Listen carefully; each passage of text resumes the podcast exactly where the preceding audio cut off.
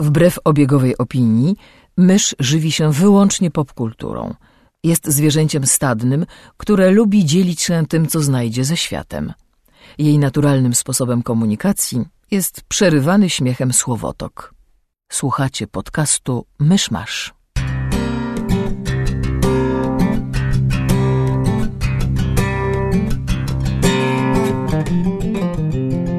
Cześć, jest 11 grudnia 2017 roku. 76 lat temu wydaliśmy Wojnę Japonii. Zapraszam do 201 odcinka podcastu Mysz Masz. Ja jestem Krzysiek Caran, a ze mną przy mikrofonie siedzi Mysz Jej, cześć! Ała, i Kamil Borek. hej. Ja tu siedzę w słuchawkach, nie rób mi tak. Cześć, wróciliśmy po długiej przerwie. Yay! Aren't you glad? Did you miss us? We missed you. To nie brzmi szczerze. Spadaj! Ja się bardzo cieszę, szczerze się cieszę, że jesteśmy tutaj wszyscy i że nas słuchacie i że możemy do was mówić.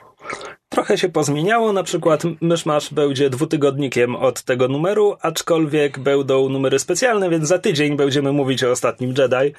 Więc Tak, a inne tygodnie będą wypchane z e, kosmicznymi kowbojami. e, czyli podcastem, z którym ruszymy niedługo, poświęconym serialowi Firefly.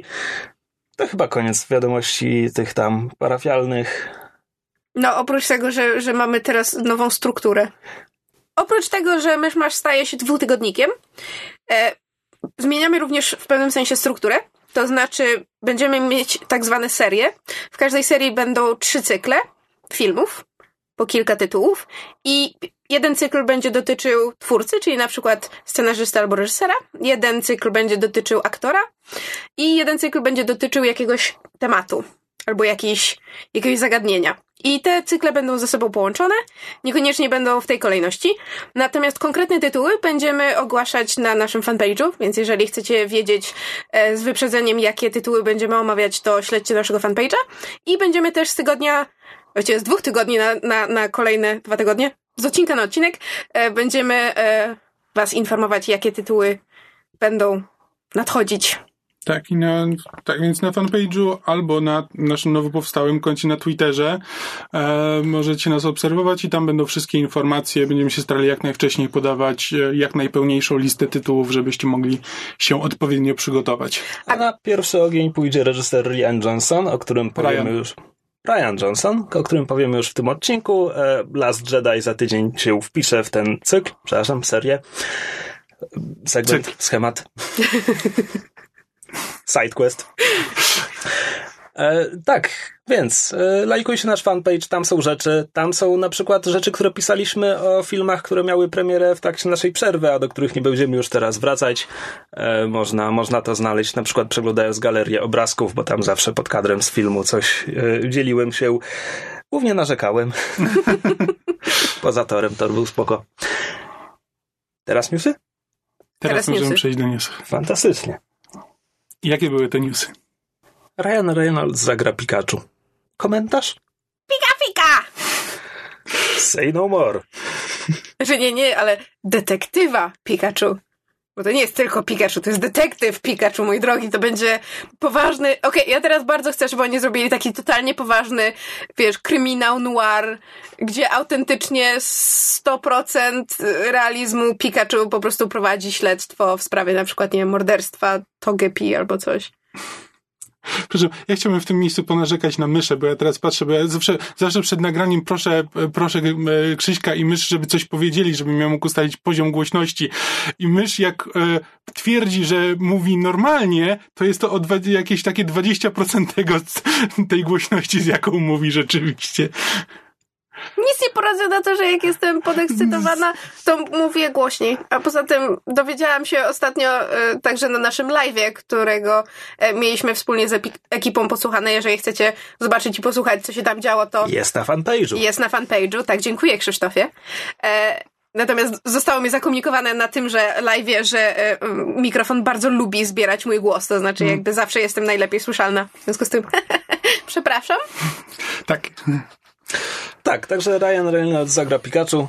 Nie mam zamiaru tego oglądać. Idziemy dalej. Ja absolutnie mam zamiar to obejrzeć.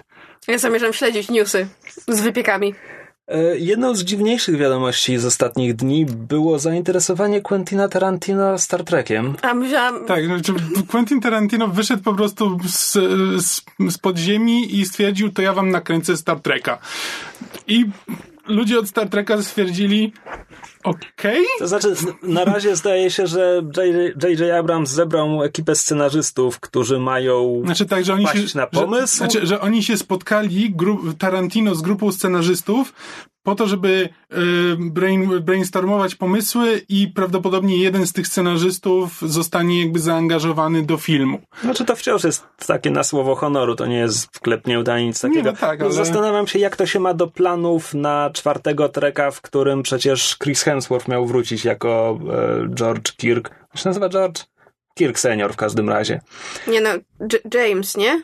No bo... Nie, Chris Pine gra Jamesa Kirka, no, ale Chris się... Hemsworth grał jego ojca, A... jego ojciec miał wrócić. Ale chodzi mi o to, czy, bo James T. Kirk nazywa się na cześć swojego ojca, to jego ojciec nazywa się Tiberius, nie? Nie. nie.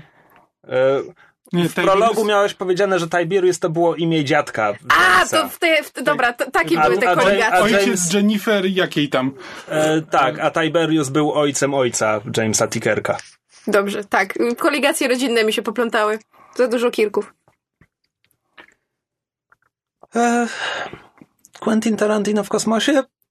Spoko. No, no, znaczy ciężko, znaczy, nie ma porównania, bardzo, no bo on no, nie, nie, ro, nie robił nic ani, fantasty, ani fantastyki, ani science fiction, nawet nic z pogranicza, tak naprawdę. P można być może część jego filmów podciągnąć pod jakiś magiczny realizm, ale tak bardzo na, na, na słowo honoru. A więc Absolutnie to znaczy, nie mam pojęcia, jakby to jestem wyglądało. Jestem zaintrygowany taką ideą, nie wiem, czy to będzie coś dobrego, natomiast również absolutnie się nie zdziwię, jeśli nic z tego nie wyjdzie ostatecznie. Jeśli studio stwierdzi, że hmm, Quentin Tarantino i Star Trek to jednak nie są dwa świetne smaki, które razem smakują tak, jeszcze lepiej. I Rady Boskie, jaka to była kalka z języka language. Wyko wykorzystają po prostu Quentina Tarantino, żeby trochę pomysłów od niego wyciągnąć w czasie tej burzy mózgów, trochę świeżej krwi, a potem i tak zatrudnią jakiegoś wyrobnika, żeby to po prostu nakręcił. E, nieco pewniejszą informacją jest to, że Netflixowy Wiedźmin zyskał, chcę powiedzieć, showrunnerkę? Między innymi, tak. W sensie to nie jest tylko i wyłącznie um, jedyna funkcja, którą będzie spełniać. Może no, to, to na pewno dobrze zapisała się jej nazwisko. Ona nazywa się Lauren Hisrich. Tak, znaczy... Czy ona jest reptilianką? Nie, bo ona, ona jest dwojga imion albo dwojga nazwisk. Niemiecką reptilianką. Znaczy, nie, nie, nie zdziwię się, jeśli w weekendy poluje na łukich, żeby ich skalpować. Um, w każdym razie pracowała dotąd przy um, Defenders i przy Daredevilu. E, to drugie jest lepszą wiadomością. Zależy, które odcinki. Ona, ona, no właśnie, bo ona napisała e, scenariusze do paru odcinków, tak? Tak. No to bardzo wiele zależy od tego, które odcinki. Mhm. Defenders też miało. Jeśli napisała odcinek, gdzie siedzą w chińskiej restauracji, to okej. Okay. Tak, w sumie bardzo wiedźminowe. E, w sumie każdy inny odcinek tamtego serialu był już mniej fajny. Dobra, lecimy dalej. Zwiastuny. Pojawiły się zwiastuny paru rzeczy. Na przykład, czy widzieliście zwiastun Alita Battle Angel? Tak. Tak, ja również. I to jest wybór artystyczny. Mm. Tak. Znaczy, może powiedzmy, co przedstawia trailer dla tych, którzy jest nie widzieli, to, jak na przykład Kamil. Jest to adaptacja e, anime, a prawdopodobnie również i mangi, e, której reżyserem będzie Ro Robert Rodriguez. Scenariusz napisał James Cameron i chyba również to produkuje. E, a historia dotyczy, wiesz, mechanicznej kobiety, cyborga, która. Zbawi świat. Tak, tak. A, a na dodatek trochę się różni od, od ludzi na pierwszy rzut oka, co podobno nie było tak w anime ani w manze, więc to jest wybór artystyczny specjalnie dla filmu ponoć. To znaczy trochę się różni. To znaczy, no więc... kojarzysz jak w anime są te takie big anime eyes? To teraz sobie wyobraź, że CGI-owo te postać je ma. A wszyscy pozostali tylko aktorzy ona. są normalni. Tak. Nie, nawet nie tylko aktorzy, bo tam jeszcze są przybitki na innych cybo cyborgów. I oni też, ich też grają aktorzy i te cyborgi mają ich twarze i ich twarze mają normalne oczy. Tylko z jakiegoś powodu wybranka Alita ma po prostu big fucking sparkly anime eyes. Nie rozumiem tej decyzji. Znaczy, może, może da, się, da się to jakoś przełknąć w filmie. W pewnym momencie to Uncanny Valley jest już tak głębokie, że w nie wpadasz i lecisz i przestaje ci to przeszkadzać. Może będzie jakaś scena w niczym, niczym w Ghost in the Shell, w której ona znajduje, znajduje swoją prawdziwą matkę, matkę i dowiaduje się, że jej matka była lemurem. To znaczy, wiesz co, dla mnie to nawet nie jest Uncanny Valley, bo to jest tak absurdalnie nieludzkie, że jakby, żeby, żeby, żeby zaszedł efekt Uncanny Valley, to jednak coś musi przypominać człowieka. Właśnie mam, mam wrażenie, że to już po prostu przeszło, wiesz, aż, aż w drugą stronę, tak, w drugą tak. skrajność. Zwiedziło Uncanny Valley, wysłało nam pocztówkę i poszło dalej. Inny zwiastun, który pojawił się ostatnio, to Jurassic World Fallen Kingdom. Was so much fun! O Boże, napra- on, on się naprawdę podobał, nieironicznie. Nie ironicznie. Ja bardzo rzadko w tym Dla podcaście to jestem jest- ironiczna. Dla mnie to jest najgorszy, najgłupszy zwiastun, jaki w życiu widziałem. To znaczy, w momencie. Znaczy, raz, że jest idiotycznie zmontowany i pokazuje kompletnie losowe przebitki, które się w nic nie A układają. nie, losowe przebitki to tak, ale Nie, ja znam, ale- ale, ale ja też- znam gorsze trailery. Ale też jest kiepsko zgrany z muzyką, e, w ogóle nie buduje napięcia, co zwiastuny jednak powinny robić. A do tego jeszcze dochodzą takie po prostu głupotki scenariuszowe, no bo na przykład motywacja dla, dla e, Chrisa, jak mu tam, e, przepraszam, Owena, jak mu tam. W postaci Chrisa Prata. Tak, tak, nie pamiętam jak nazywał się Owen. E, po prostu, no on wróci na wyspę, żeby uratować swojego, swojego raptora. Boże. Nic a nie stanie jeszcze... pomiędzy panem i jego raptorem. A potem jeszcze pokazują nam tego, wiecie, tego złego, najgorszego dinozaura, bo wiadomo, że dinozaury to po prostu zwierzątka, ale niektóre rodzą się złe, tak jak w poprzednim filmie. Myślałem, że nic nie przebije głupoty Jurassic World. Ten jest autentycznie Devil Wiemy, że jest zły, bo ma rogi.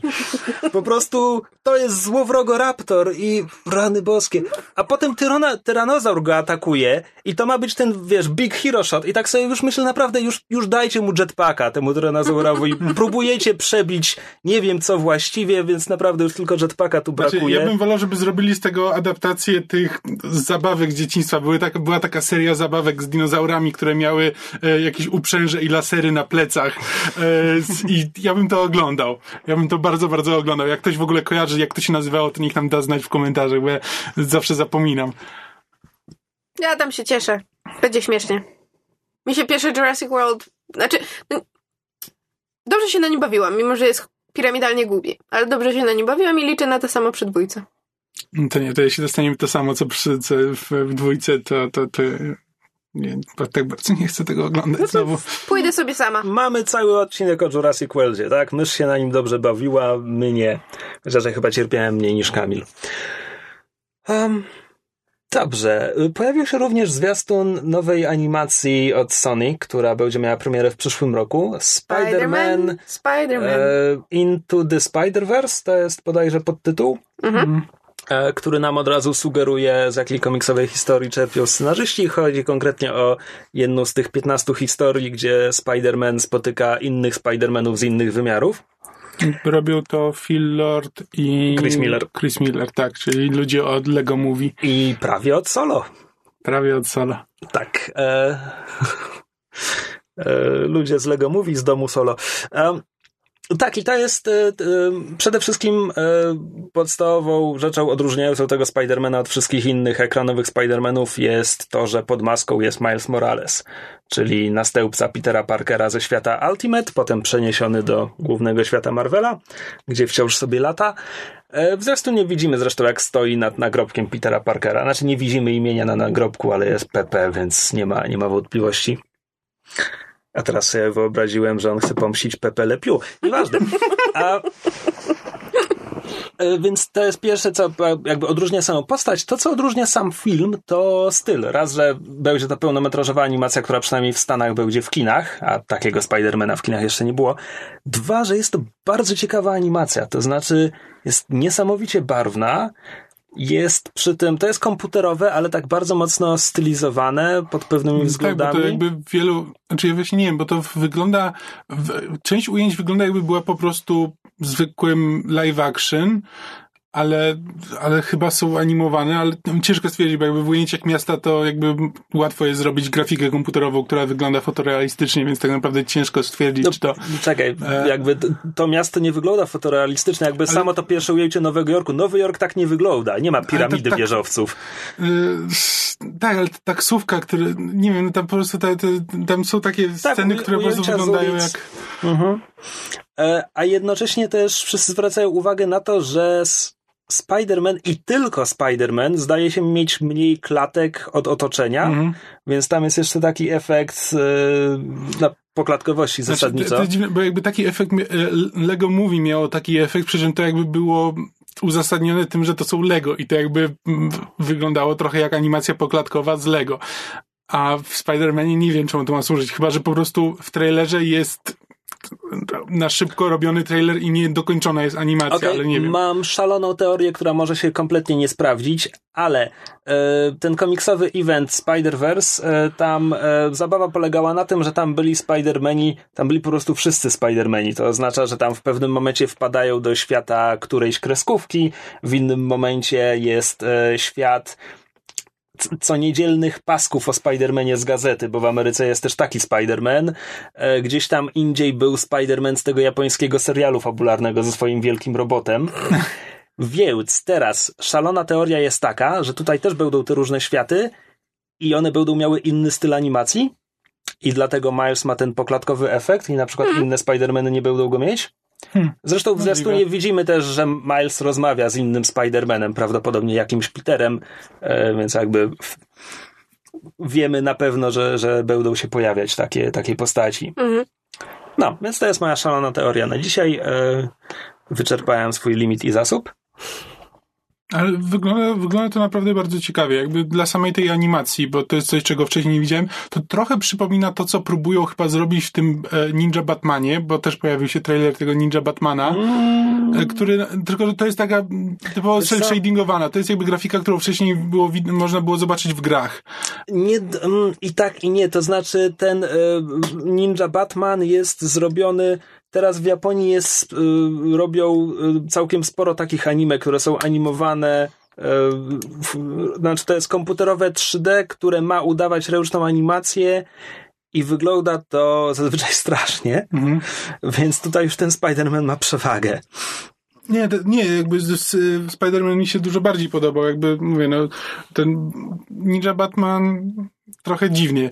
Niektóre ujęcia wyglądały naprawdę bardzo ładnie, głównie ujęcia lokacji, ale już postaci, postaci sprawiały dziwny efekt. A tutaj w Spider-Manie wszystko mi się bardzo podobało, więc hmm? znaczy, zobaczymy znowu, no, tam w Batmanie są fajne designy postaci, kostiumy i tak dalej i póki ludzie mają maski jest ok. Natomiast tam jest ujęcie, kiedy Alfred mówi do kamery albo do Brusa czy cokolwiek i to jest po prostu, wiesz, skóra zdjęta i powieszona na manekinie i jak porównasz sobie to, to z tym, jak wygląda Miles w tym trailerze, to jest niebo ziemia. No tak, tak. Inną animacją, którą ogłoszono, jest e, pełnometrażówka od e, Marvela, Marvela, e, która to, to ma tytuł Secret Warriors. E, wbrew tytułowi chyba nie będzie miało wielu związków z komiksem e, pod tym tytułem. Tytułem, tytułem, tytułem. E, fabuła ma być taka, że Kapitan Marvel, e, wersja Carol Danvers, ma szkolić nowe pokolenie bohaterów i tam jest grupka postaci, w której znajdują się na przykład e, Squirrel Girl, e, Miss Marvel, to znaczy Kamala Khan, America Chavez, znana m.in. z komiksów Young Avengers. E, Patriot to jest najnowsza wersja tej postaci. Inferno, który miał nieszczęście urodzić się inhumanem i dlatego jest wciskany wszędzie, gdzie się da. E, Quake, znana na przykład z e, serialu telewizyjnego Agenci Tarczy i grana też przez Chloe Bennett, również, również w tej Głosowo, wersji. Tak Głosowo. Czy w tej wersji też jest Inhumanem, czy... Yy, nie wiadomo. Czy, czy, w ogóle Quake jakby oryginalny Komiksowa Quake, Quake nie jest nie Inhumanką, jest. aczkolwiek po serialu telewizyjnym to zredkonowali, że i w komiksach ujawnili, że też jest Inhumanką, ponieważ a, a, okay, synergia e, no. E, I jest tam jeszcze Gwen Stacy ze świata, w którym to ona, a nie Peter Parker została e, Spider bohaterem. Spider Gwen. Tak, to znaczy jej komiks tak się nazywa. E, rysunek, z którego wzięła się w ogóle cała seria komiksowa, też był tak zatytułowany. Ona sama używa po prostu ksywy Spider, chcę powiedzieć Woman albo Spider Girl. ale dla tego filmu dają jej nową ksywę i po prostu załamałem LCB straszna. To znaczy Ghost Spider! Ghost Spider? Ghost Spider, tak, z myślnikiem. Nie ma to żadnego sensu. Znaczy ona się ubiera na biało, więc jakby rozumiem, że wygląda trochę jak duch, jeśli przymknąć oba oczy i słuchać, jak ktoś ci o tym opowiada. E, ale tak, dziwne. E, szczerze mówiąc, poza Chloe Baker, e, Baker co ja poza Chloe Bennett, e, tam będzie również Ming Nawen, e, która gra agentkę May w, w Agentach Tarczy, ale tutaj będzie dubbingować e, złowrogą Halę, która jest, zgaduję, że zrobią z niej kobiecą wersję Ronana z filmów. Um, Halabanacha. e, pokazujesz mi Stevena Webera, ale ja nie pamiętam kto to. On grał w e, Studio 60 między innymi. A tak. E, I w serialu Wings. I grał w iZombie, e, E, tak, tego złego. Dobra, Złego, już, tak. e, tak ten, Ten- tutaj będzie z grał ojca Gwen Stacy. E, czyli kapitana Stacy'ego. Kapitana Stacy? To, to ten, który dramatycznie ginie w Amazing Spider-Manie z Tak. Andrew Garfieldem. E, natomiast zacząłem mówić o obsadzie, bo w obsadzie jest również, e, jak on się nazywa, D. Bradley Baker, który dubbinguje trzy czwarte zwierząt w animacji. Tak. I obejrzyjcie materiał, bo materiał o tym filmie, który pokazano, to nie jest zwiastun, bo oni nie są jeszcze na tym etapie. Oni są na tym etapie, że nagrali kwestię postaci i teraz zaczynają pracę nad animacją, więc jest ujęcie, jak D. Bradley Baker dubbinguje wiewiórkę i po prostu trzeba zobaczyć jego twarz. Tak, bo on ma dubbingować wiewiórkę, która jest sidekickiem Squirrel Girl Tiptoe. i, i Lockjawa chyba? E, chyba tak. E, a jeżeli są tutaj jacyś fani Teen Wolfa, e, to jeszcze e, ten em, Inferno będzie podkładał głos e, Tyler Posey, czyli tytułowy Teen Wolf. To tak w ramach ciekawostki. No. A w każdym razie ja się tym, tym, ja się tym projektem jaram, bo to wygląda fajnie i może wreszcie obejrzę jakąś pełnometrażową animację, bo Znaczy, ja, szczerze mówiąc, ja dawno jestem, tego nie zrobiłam. ja jestem przede wszystkim zdumiony, bo Marvel zdawał się kompletnie odpuszczać e, pełnometrażowe animacje, więc sama zapowiedź, że robią jakąś jest, jest dużym zaskoczeniem dla mnie. Mm. A jeszcze z komiksowych, e, około komiksowych newsów e, pojawiły się materiały promocyjne i wywiady odnośnie Dark Phoenix. To znaczy tego, dokąd niestety dąży obecnie filmowa seria X-Men. Znaczy, mówisz niestety, no oni zrobili Dark Phoenix w filmach raz i zrobili to strasznie. E, Last Stand, pamiętamy. E, robią to raz jeszcze.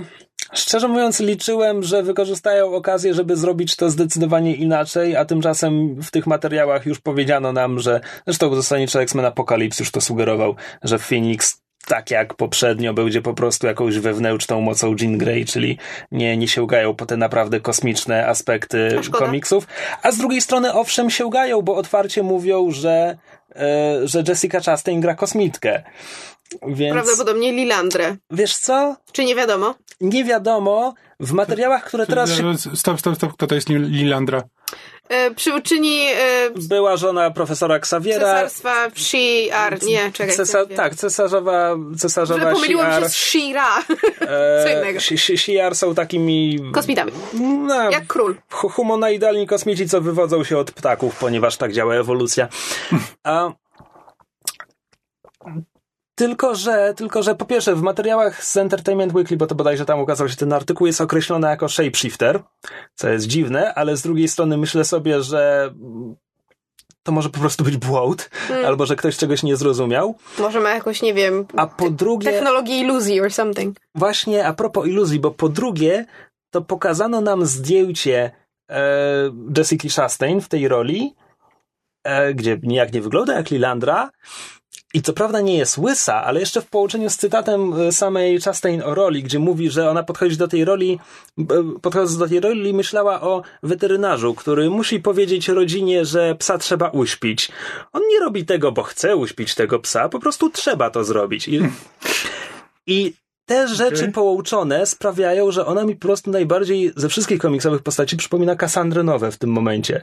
Czyli złą siostrę bliźniaczkę profesora Xaviera. Nie wdawajmy się w szczegóły, bo są durne, aczkolwiek są kosmiczne. Więc hej, może...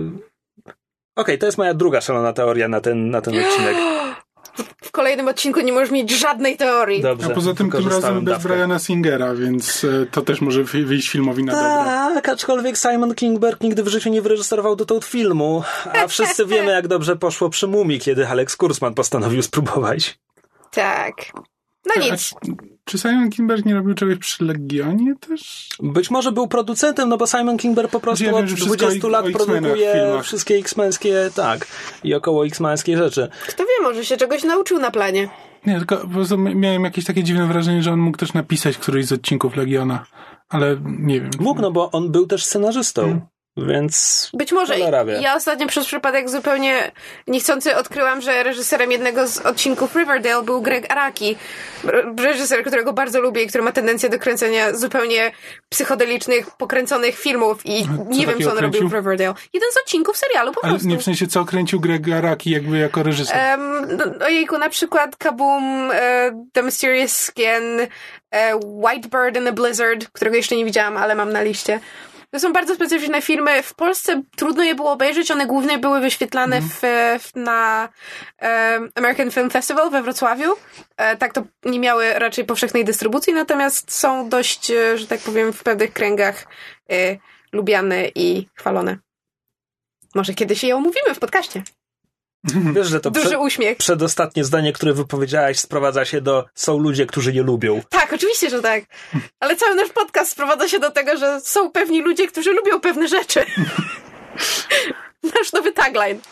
Dobrze, to myślę, że tyle newsów, bo y, tylko tyle mamy w naszych notatkach. E, jeżeli coś jeszcze było i o czym zapomnieliśmy wspomnieć, to dajcie nam znać w komentarzach, chętnie się dowiemy, e, na co warto mieć oko. Natomiast teraz przechodzimy do tradycyjnej części pod tytułem Kto co zjadł? E, znaczy skonsumował, popkulturowo. Właśnie. Przeczytałem powieść Underground Airlines autorstwa Bena Wintersa, e, który to tytuł może już sugerować w czym rzecz, bo nawiązuje do Underground Railroad, czyli sieci osób pomagających uciekać niewolnikom z południa na, na północ Stanów Zjednoczonych. E, Powieść e, rozgrywa się, to jest historia alternatywna. To jest Ameryka, w której nie doszło do wojny secesyjnej, e, bo Abrahama Lincolna zastrzelono zanim został prezydentem, a nie, a nie po tym, więc nie zdążył zrobić paru rzeczy, a z kolei jego morderstwo wstrząsnęło krajem na tyle, że wznowiono wysiłki, żeby jednak no, zażegnać ten spór między północą a południem e, i zmieniono konstytucję, to znaczy wprowadzono do konstytucji poprawkę, która stwierdza, że tej poprawki absolutnie nigdy nie będzie można następną poprawką unieważnić, e, a która e, No takebacks. a, a która jakby kompletnie i na wieki wieków legitymizowała niewolnictwo. I teraz to jest jakby tło historyczne, które gdzieś tam się pojawia w szczególikach e, w, w powieści. Sama akcja toczy się współcześnie. Bohaterem jest e, czarnoskóry mężczyzna praktycznie bez imienia, to znaczy on ma imię, którym się posługuje, ma ich nawet wiele, ponieważ jest byłym niewolnikiem, to nie, nie, to, to nie do końca prawda. Jest niewolnikiem, który poszedł na układ. I teraz mieszka na północy i pomaga agentom federalnym łapać zbiegłych niewolników. Uff. Okej. Tak. I oczywiście e, jednym z jego zadań jest e, szukanie tropów być może tak naprawdę nieistniejącej organizacji, o której jednak się szepcze tu i ówdzie, to znaczy tytułowych podziemnych linii lotniczych, które pomagają niewolnikom z południa uciekać, uciekać na północ Przepraszam, ale i, jak- i poza kraj. Jak mówisz podziemne linie lotnicze, to ja mam taką wizję kuli ziemskiej, która w środku jest poprzecinana takimi wydrążonymi tunelami, przez które latają samoloty. Ja wiem, że to jest głupie, taki po prostu przekrój przez planetę. Kontynuuj. E, kontynuując, w ogóle w, w tym momencie, i znowu tam jest rys historyczny, że przez lata jednak sytuacja się zmieniała, że tam co, co drugi prezydent czasami próbował coś z tym robić, aczkolwiek teraz niewolnictwo jest tą kwestią, której nie tykasz, jeśli chcesz zostać prezydentem, bo cię automatycznie skreśli. W każdym razie przez lata ileś stanów mimo wszystko zrezygnowało i w tym momencie tylko cztery wciąż, wciąż utrzymują niewolnictwo. Tam między innymi Georgia i nie pamiętam, to bez znaczenia. I jest to bardzo dobrze napisane. Jest to przejmujące, no bo mamy tę postać, która on tylko wykonuje swoją pracę, tak? Mhm. z którego to wytłumaczenia korzystali już inni. E, jest to również bardzo fajnie przemyślana historia alternatywna, bo tutaj, poza tym wszystkim, co powiedziałem o tym rysie historycznym, e, autor się jeszcze zastanowił, no dobrze, ale tak współcześnie, to jak świat by traktował kraj, w którym po 150 latach wciąż jest niewolnictwo? Więc to jest Ameryka, gdzie ludzie jeżdżą samochodami, gdzie, gdzie wciąż e, muzykę puszczasz z kaset, bo są embarga handlowe Mhm. i, i jakby Ameryka jest 50 lat jakby do, do tyłu pod pewnymi względami. A wszystko trochę się rozpada w finale dla mnie. To znaczy, nie mówiąc zbyt wiele, a historia głównego bohatera i ludzi, których napotkał po drodze, tutaj nie mam żadnych zastrzeżeń. To się kończy tak jak moim zdaniem, znaczy powinno, to jest takie głupie określenie, ale jakby jestem usatysfakcjonowany tym finałem. Natomiast dowiadujemy się czegoś o świecie, co niby ma sens, ale czy aby na pewno? I to jest takie trochę, ale to, jest- to jest kwestia ostatnich dosłownie kilkunastu stron, które nawet jeśli mam zastrzeżenia, absolutnie nie przekreślają tego, że e, była to zdecydowanie jedna z lepszych książek, które przeczytałem w tym roku. No, także Underground Airlines, autor nazywa się Ben Winters i jest biały i jego żona mówiła mu byłoby lepiej, gdybyś był czarny, wydając taką książkę. Ojej. E, tak, przeczytałem parę wywiadów. Wydaje się, być, wydaje się być ciekawym gościem. Wydaje mi się, że Underground Airlines nie ukazały się po polsku, natomiast polskie wydanie ma inna jego powieść. On napisał trylogię kryminalną o policjancie, który no co, no, no jest detektywem, łapie Policjuje. przestępców i tak dalej, policjuje sobie, tylko że to też jest, e, nazwijmy to, historia alternatywna, bo bo naukowcy odkryli, że tam za, nie wiem, 17 lat czy coś takiego asteroida roubnie w Ziemię. Więc on jest policjantem w świecie, na który wydano wyrok śmierci. I brzmi to strasznie ciekawie i prędzej czy później pewnie sięgnę po te książki. Brzmi interesująco. Pożyczysz? Być może. Mm. Dobrze. Kamilu, byłeś ostatnio w kinie, na filmie, który stosunkowo niedawno miał premierę. Może nam o nim opowiesz? Dobrze, mogę o nim opowiedzieć. Byłem sam, bo mysz odmówiła pójścia e, na, Dzięki, dzięki. na zabicie świętego jelenia. Ojeleniłeś się za królic zabitego śmienia. Tak jest. To zawsze będzie śmieszne. Gdyby ktoś nie wiedział, to jest cytat z filmu Robin Hood Faceci w rajtuzach. Z tego starego tłumaczenia. Bo jak e, Kamil odkrył, robiąc research, było więcej niż jedno, co mogła mu powiedzieć. Nie, no, tak, wiem, że jest więcej niż jedno. E, tak, ale za- zabicie z- świętego jelenia nie ma nic wspólnego z, e, z Robin Hood Faceci w rajtuzach, wręcz przeciwnie. Ale ma wiele po- wspólnego z Lobster. E, ma sporo wspólnego z, Lobs- z Lobster, ale jest, jest zdecydowanie innym filmem. To znaczy, to jest ten sam reżyser? Tak. To jest ten sam reżyser. Powinienem wiedzieć, jak on się nazywa, ale zapomniałem tego sprawdzić przed nagraniem. Lobster Lobsterson. E, w, w każdym razie... Dziękuję, myszu. To miło. That was so stupid. E, znaczy prędzej Lobster Lobsteropoulos, bo to jest Grek. Stop! No! You're making it worse. Ale, ale na pewno, na pewno w tym e, w spisie treści do odcinka będzie, będzie nazwisko reżysera, to tam możecie sprawdzić. E, wow. Myślę dzisiaj w dobrym nastroju. E, jest to zasadniczo thriller slash horror egzystencjalny. E, znaczy, to jest. Właśnie, to jest jak z pogranicza thrillera i horroru, bo, bo technicznie rzecz biorąc jest, przez większość czasu jest thrillerem, so, jest tam w pewien sposób wpisany element nadra, nadnaturalny, ale nie jest on bezpośrednio jakby, nie jest on e, eksplicite e, nadnaturalny. Po prostu nigdy nie jest wyjaśniony, co się, co się dzieje, ale, e, ale nie może być to, ale nie może być to naturalne. Em, a polega, y, a polega to na tym, że tak, główną rolę gra Colin Farrell, który gra chirurga, e, który zasadniczo jest, ma wszystko, czego mógłby sobie zażyczyć człowiek, jakby taki, ten jest chirurgiem. Żony, dzieci, psa. Tak, ma żonę, która jest e, dentystką, stomatologiem, te, też jest, e, też jest lekarzem. I grają. E, mają dwójkę, dwójkę dzieci dobrze ułożonych, cór, córkę i syna. E, żonę, żonę gra Nicole Kidman.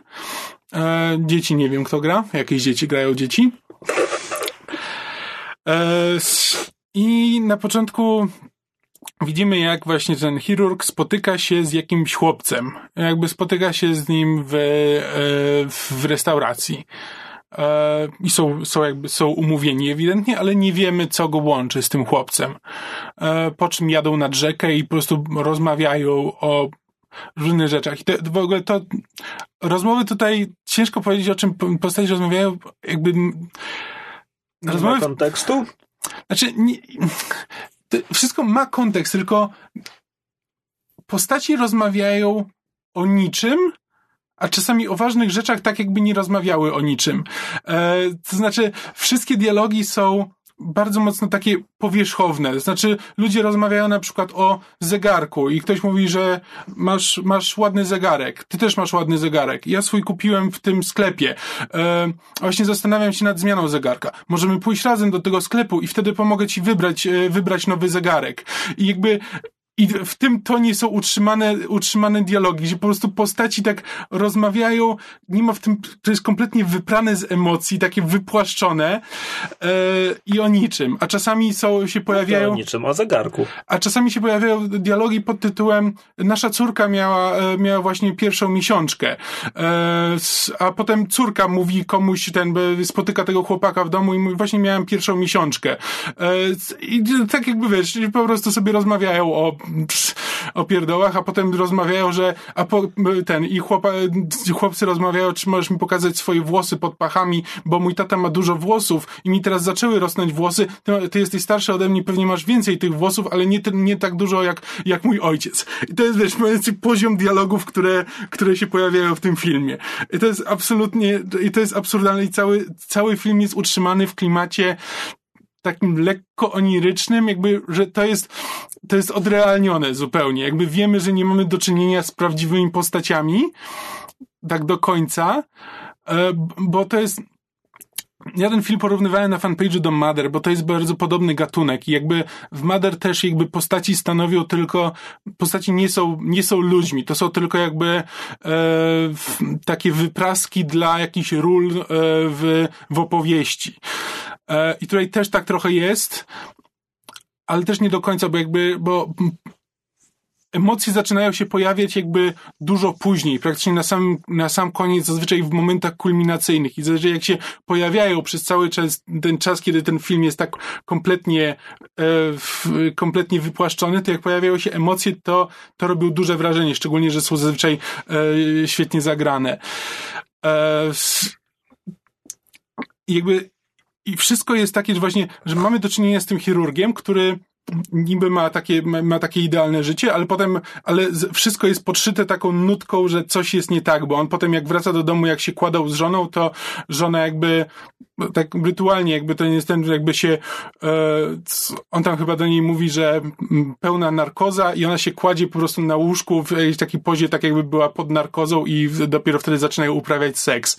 E, i, więc jakby wiemy, że te postaci, postaci są e, jakby właśnie mamy, mamy te sceny, w których rozmawiają sobie o niczym i mają to swoje idealne życie, a potem, a potem przechodzimy jakby trochę do, w tę prywatną sferę i tam zazwyczaj dzieje się coś dziwnego.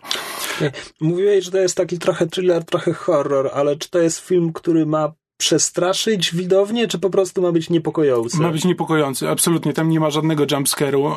E, to jest tylko jakby gra tylko i wyłącznie atmosferą, bo to polega na tym, że w, mm, jakby obserwujemy na początku, zastanawiamy się, na czym polega relacja, e, relacja tego chłopca i, i chirurga, bo ona jest taka nie, niedopowiedziana. Tutaj jakby spoiler, choć to jest w trailerach, ale jeśli ktoś chce oglądać ten film jakby na bieżąco, no to jakby tylko powiem, że jakby jeśli na przykład obejrzał trailer i zainteresowała go ta atmosfera, to warto pójść do kina.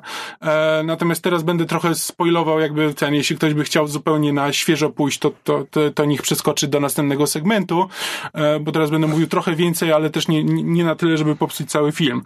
E, bo jak się okazuje, ten chłopiec e, ten chłopiec jest synem mężczyzny, który, e, który zginął na stole operacyjnym tego chirurga. E, operacja się nie udała, pacjent, pacjent zmarł i on teraz, a ponieważ ten chłopiec chce zostać też lekarzem, no to on się tak jakby trochę z poczucia winy jakby z nim spotyka co jakiś czas, służy mu za taką figurę ojcowską i też pomaga mu, jakby uczy go czym, e, jakby nie tyle uczy, no ale jakby on go czasami pyta właśnie o to, jak to jest być lekarzem i tam udziela różnych wskazówek. Tylko, że później się okazuje, że ten chłopiec, e, chłopiec się e, mści. Świetny nawet nie chłopiec, wszechświat się mści, bo też w filmie nie ma powiedziane, czy, czy chłopiec ma jakąkolwiek, ma autentycznie moc, ponieważ rodzina tego chirurga zaczyna tracić władzę w, w nogach. E, i po prostu w którymś momencie zaczyna się od chłopca e, i chłopiec po prostu pada i nie może, nie, nie może, e, nie może chodzić, nie może wstać i jakby nie wiedzą, co się dzieje, później to się na chwilę poprawia, a potem znowu pogarsza. I ten chłopiec tam siada i tłumaczy, że no, tłumaczy temu chirurgowi, że to, ta choroba będzie postępowała, jakby w którymś momencie e, każdy, kto jest, kto jest tym dotknięty, przestaje potem jeść, potem zaczynają mu krwawić oczy, a potem umiera. E, I że jeśli, chce, jeśli nie chce, żeby do tego doszło, e, że, jeśli nie chce, żeby cała jego rodzina umarła, to musi wybrać e, jedną osobę, którą zabije. E, bo, bo to jest życie za życie, ponieważ ty mi zabiłeś ojca, to teraz musisz zabić kogoś ze swojej rodziny. I to, i, i jakby to, i, i, to jest punkt wyjścia do filmu i jakby z, on sobie z tym próbuje, próbuje jakoś poradzić. I to jest wszystko na takim właśnie bardzo, bardzo metafizycznym poziomie, e, kompletnie odrealnionym, e, grającym właśnie atmosferą i, z, e, i to takim właśnie niepokojąc, niepokojącym poczuciem tego, że właściwie nie wiesz z czym, z czym masz do czynienia, nie wiesz czym jest ten chłopiec, kto za tym stoi, czy za tym coś stoi, jaki to ma, jaki to będzie miało wpływ, co zrobi, co zrobi ten chirurg. Jest to, jest to naprawdę interesujące. Jest to, jakby, jestem w stanie sobie wyobrazić, że ktoś pójdzie i stwierdzi, że to jest kompletnie nudne, bo, bo to nie jest film, który jest jakby emocjonujący w którymkolwiek momencie. Tylko jest jakby właśnie na takim trudno, trudno, trudno jest o nim mówić, bo z, bo nie ma, bo nie ma nawet do czego, nie ma nawet do czego porównać. Można trochę, można trochę do Lobstera, ale, ale nie, bo Lobster mimo wszystko był takim komediodramatem trochę i to jest, e, znaczy no, tam były, on był taki trochę groteskowy, no, że tak się działy, działy dramatyczne rzeczy, ale zawsze były podszyte lekkim absurdem. E, tutaj jakby ten absurd jest obecny, ale nie tak, że żeby wywoływał śmiech, raczej taki nerwowy śmiech, jeśli już. E, jest to po prostu to jest dla mnie ciekawy eksperyment, bo na przykład Ikabot tak nazywa Mother, co dla mnie, dla mnie Mother nie jest ciekawym eksperymentem, jest eksperymentem owszem, ale kompletnie wkurzającym. Mother skłóciło podsłuchane. E, ale dla mnie to jest, to jest, e, to jest trochę eksperyment formą, który ma też coś do powiedzenia i to jakby na bardziej uniwersalnym poziomie. Dobrze kojarzę, to wy w Lobstera też bardzo chwaliliście. Tak. Tak, to był film, który obejrzeliśmy w Walentynki, co było interesującym wyborem, biorąc pod uwagę treść ja, ja do filmu. Lobstera potrzebowałem dwóch podejść, bo ja zaczynałem oglądać Lobstera i y, samemu e, i, i przerwałem chyba. Znaczy na początku mi się podobał, a potem coraz bardziej, e, coraz bardziej miałem go dosyć.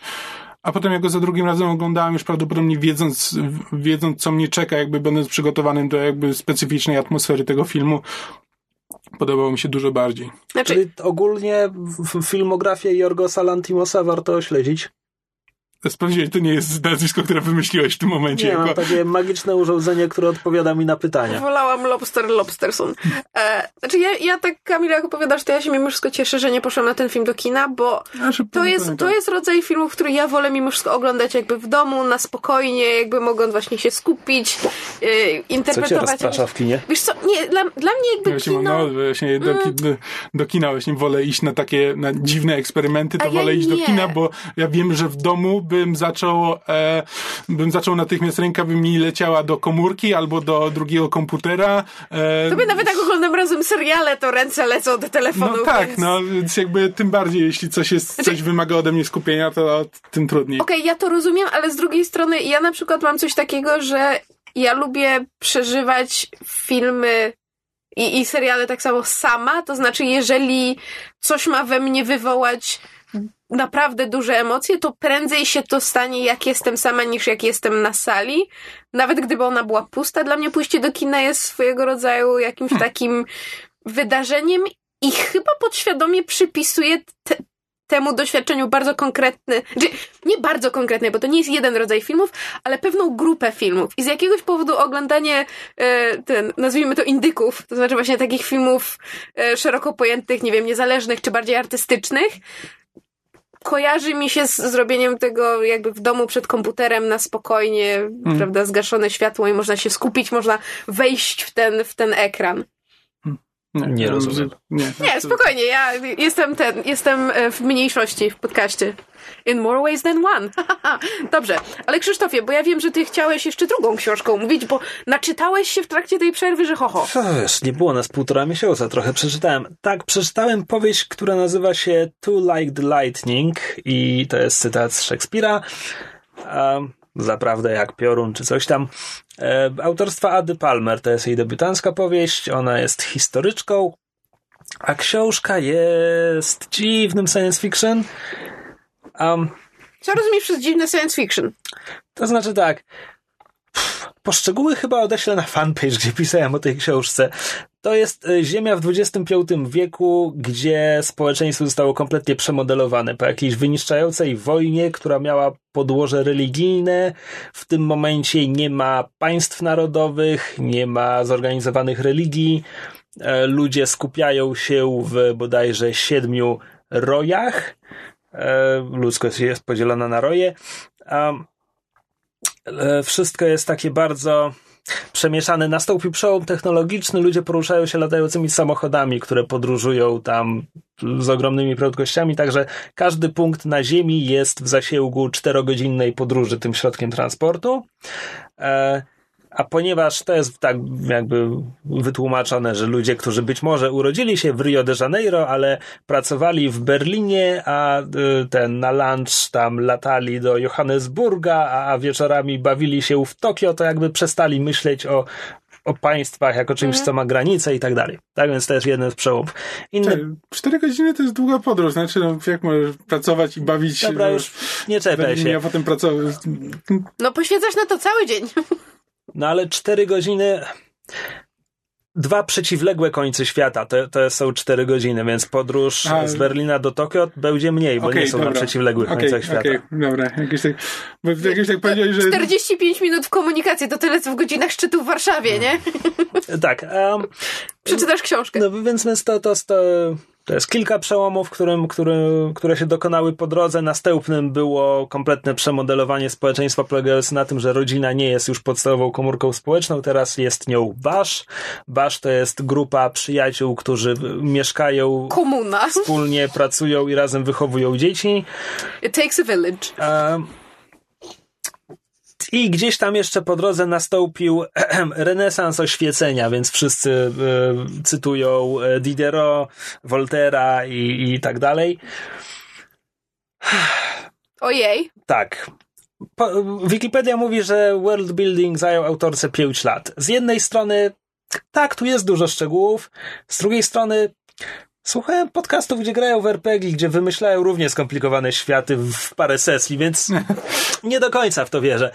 Um, w każdym razie, więc okej, więc to jest dziwny świat, tak? I potrzeba wiele miejsca, żeby go opisać. Okej, rozumiem i uznaję. Do tego jest jeszcze dziwna narracja, bo Naszym narratorem jest ktoś, kto bierze udział w tych wydarzeniach, e, który też jest przesiąknięty tą myślą oświecenia.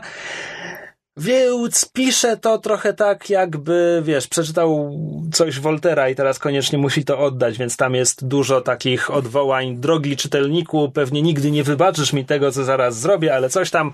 Potem jeszcze pojawia się tekst kursywą, kiedy ten domniemany czytelnik coś odpowiada i narrator teraz zbudował sobie Strowmana w narracji, więc teraz może zbijać argumenty czytelnika. A, okay.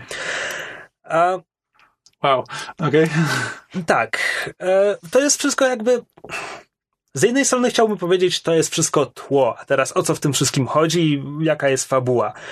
No chodzi o to, że dzieją się rzeczy na tym świecie, które być może doprowadzą do tego, że między rojami wybuchnie wojna, bo nie było wojny od tam stuleci, ale coś tam zaburza równowagę świata, więc i, i wygląda na to, że komuś na tym zależy, bo ktoś ukradł pewien ważny artykuł, czym ściąga uwagę na pewne wydarzenia i fakty, które sprawiają, że ludzie odkrywają, że kurczę, chyba stoimy na progu wojny.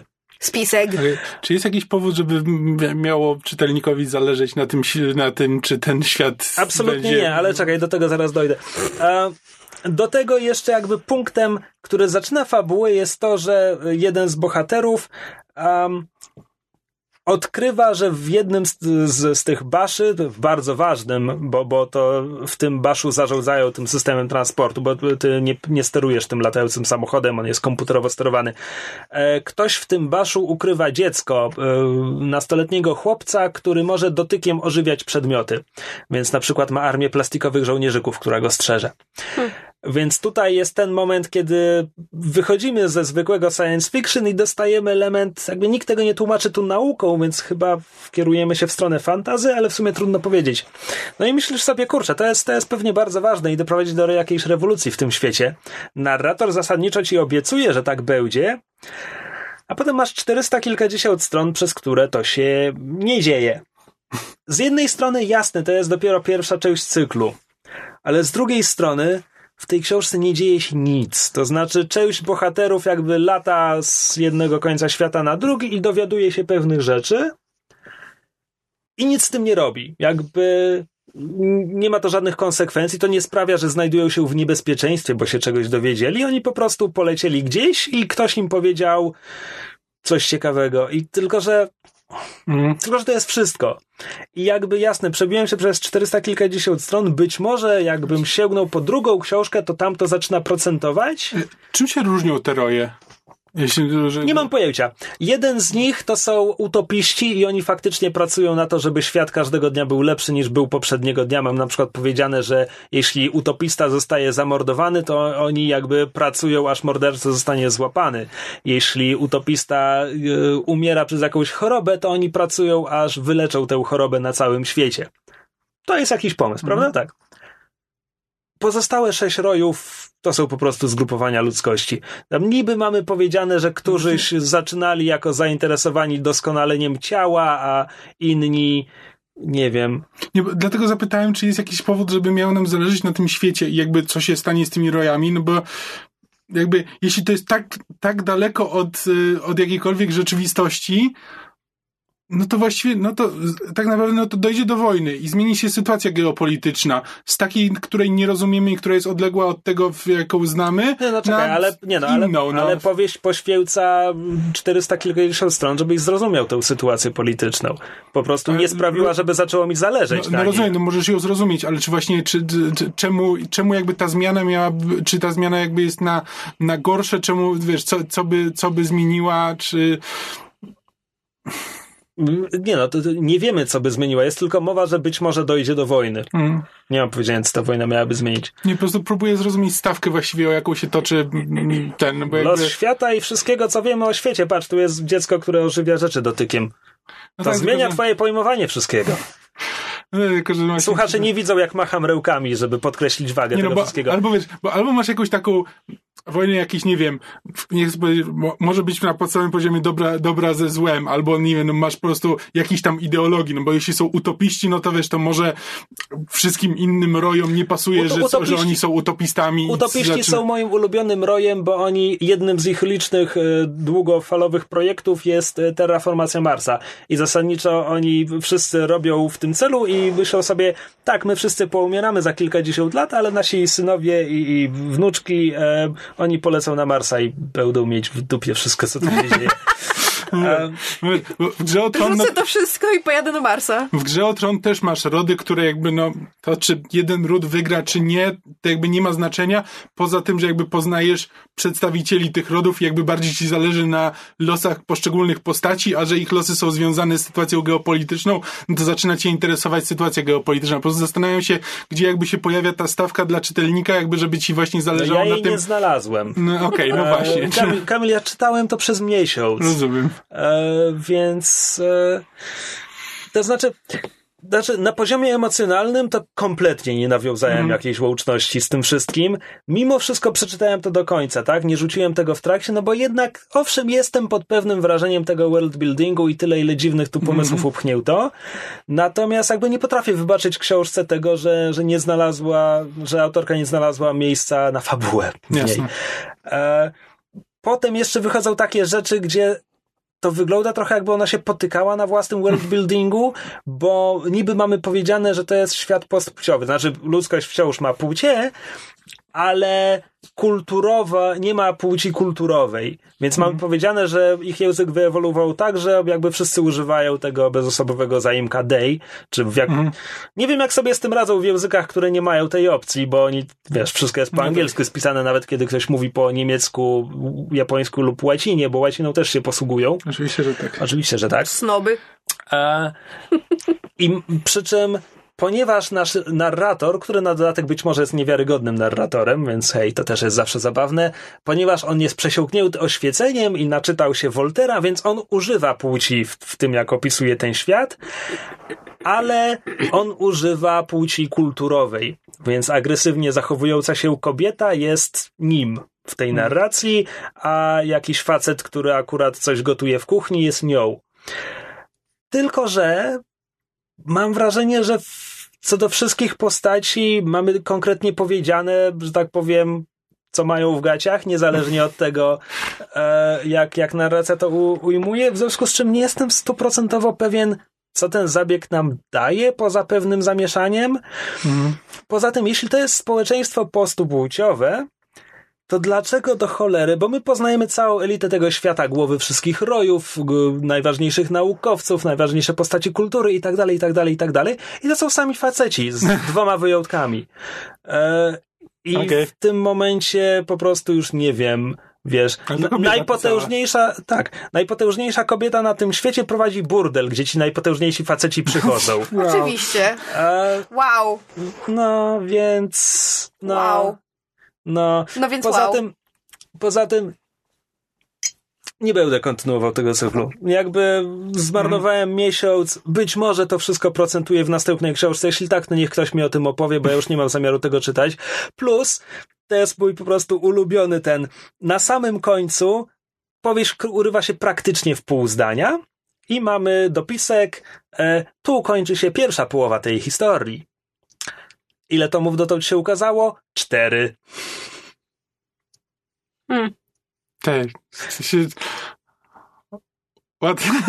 No, ja zakładam, że autorka myślała, że zamknie się w dwóch, ale potem jej się rozrosło, okay. bo to jest typowy no chyba, przypadek, kiedy no ktoś chyba, że pierwsze pisać. dwa tomy to jest jedna historia, a potem trzeci i czwarty to jest inna historia. Cholera wie. Y, wiesz co, ale wydaje mi się, że w internecie też gdzieś przeczytałem, że to było planowane na trylogię, a są cztery, więc... Okej, okay, dobra. Tak, no zasadniczo nie żałuję, że to przeczytałem, bo mimo wszystko to było ciekawe, tylko nie mam zamiaru robić sobie tego po raz drugi. Jasne. Myszu. Tak. To myśmy wspólnie z Kamilem obejrzeli film dokumentalny na Netflixie, który nie tak dawno miał premierę, ponieważ miał premierę 17 listopada. Można go obejrzeć na polskim Netflixie. I jest to film, i teraz uwaga, czytam tytuł, Pełen, pełen tytuł. Jim and Andy, The Great Beyond, featuring a very special, contractually ob obligated mention of Tony Clifton. W skrócie Jim and Andy, The Great Beyond. E, jest to film dokumentalny opowiadający o powstawaniu filmu e, Man on the Moon. Człowiek, człowiek na Księżycu. Człowiek tak. na Księżycu? Księży- Nie, na Księżycu. Na Księżycu. The Man on the Moon. E, której tytuł, e, którego tytuł e, pochodzi zresztą z piosenki e, The Man on the Moon zespołu R.E.M., która upamiętniała komika Andy'ego Kaufmana. I jak możecie się domyślić, film Man on the Moon dotyczy właśnie życia i twórczości Andy'ego Kaufmana. Jest to film w reżyserii Milosza Formana, główną rolę, zresztą bardzo e, chwaloną i nagradzaną, zagrał Jim Carrey. No i film Jim and Andy, jak można się domyślić po tytule, dotyczy właśnie tego, jak powstawał film i jak Jim Carrey się wcielał w rolę słynnego komika. Tak, jakby wszystko, wszystkie jakby, wszystko za kulisami było nagrywane, jakby e, studio prowadziło jakby, mm, Production Diary to się tak, nazywa. e, jakby wszystko, s- tylko że no zamknęli to na 20 lat i e, E, nie bo- można było z tego korzystać. Jak to określił Jim Carrey, bo e, the studio didn't want me to look like an asshole. W związku z tym to jest powód, dla którego zamknęli te taśmy na kilkadziesiąt lat e, i nie chcieli ich wypuścić. E, I trochę trudno się dziwić, bo o co chodzi? Andy Kaufman był bardzo, bardzo specyficznym komikiem. E, który e, swego czasu e, był, był znany w telewizji i on miał ja nawet nie wiem, jak to nazwać, to jakby, to znaczy poczucie humoru, czy jakby styl humoru, styl komedii. Coś pomiędzy surrealizmem a absurdyzmem. To jest, Jak zdefiniowałabyś różnicę? nie wiem, po prostu, znaczy, mm, Znaczy, to, to jest, to jest coś, tego się nie da opisać. Znaczy, jakby to, jest jakby show, w którym nie ma show, jakby to jest jakby przedstaw... Yy, to jest bardzo meta humor jakby o tym, że jakby e, Andy Kaufman stworzył personę, która jakby próbuje, wychodzi przed ludzi, żeby zrobić coś. I to, I to coś może być bardzo, jest e, jednym, jednym z jego sketchów, które ja właśnie oglądałem i mnie akurat śmieszył, mimo że tam nic nie ma, jest kiedy on wychodzi na scenę, ma gramofon na scenie i on go puszcza i z niego leci e, z, team do, e, piosenka tytułowa do kreskówki Mighty Mouse.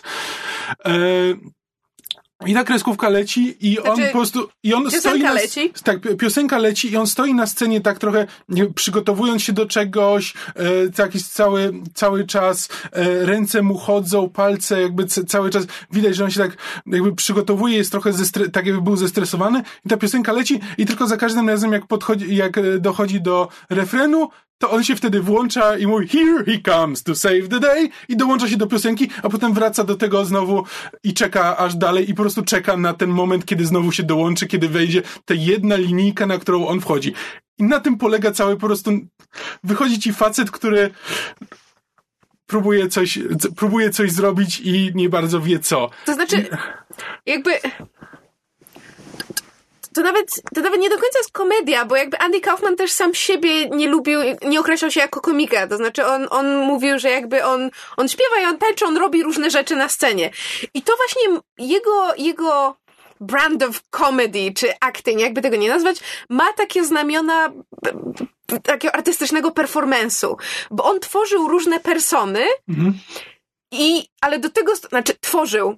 Na, na, nawet nie tyle tworzył, on się stawał innymi ludźmi, do tego stopnia, że traktował te inne osobowości jako osobnych ludzi. Czyli na przykład właśnie ten Tony Clifton, który się pojawia w, w tytule tego filmu dokumentalnego, to była jedna z jego, jego person, jego osobowości.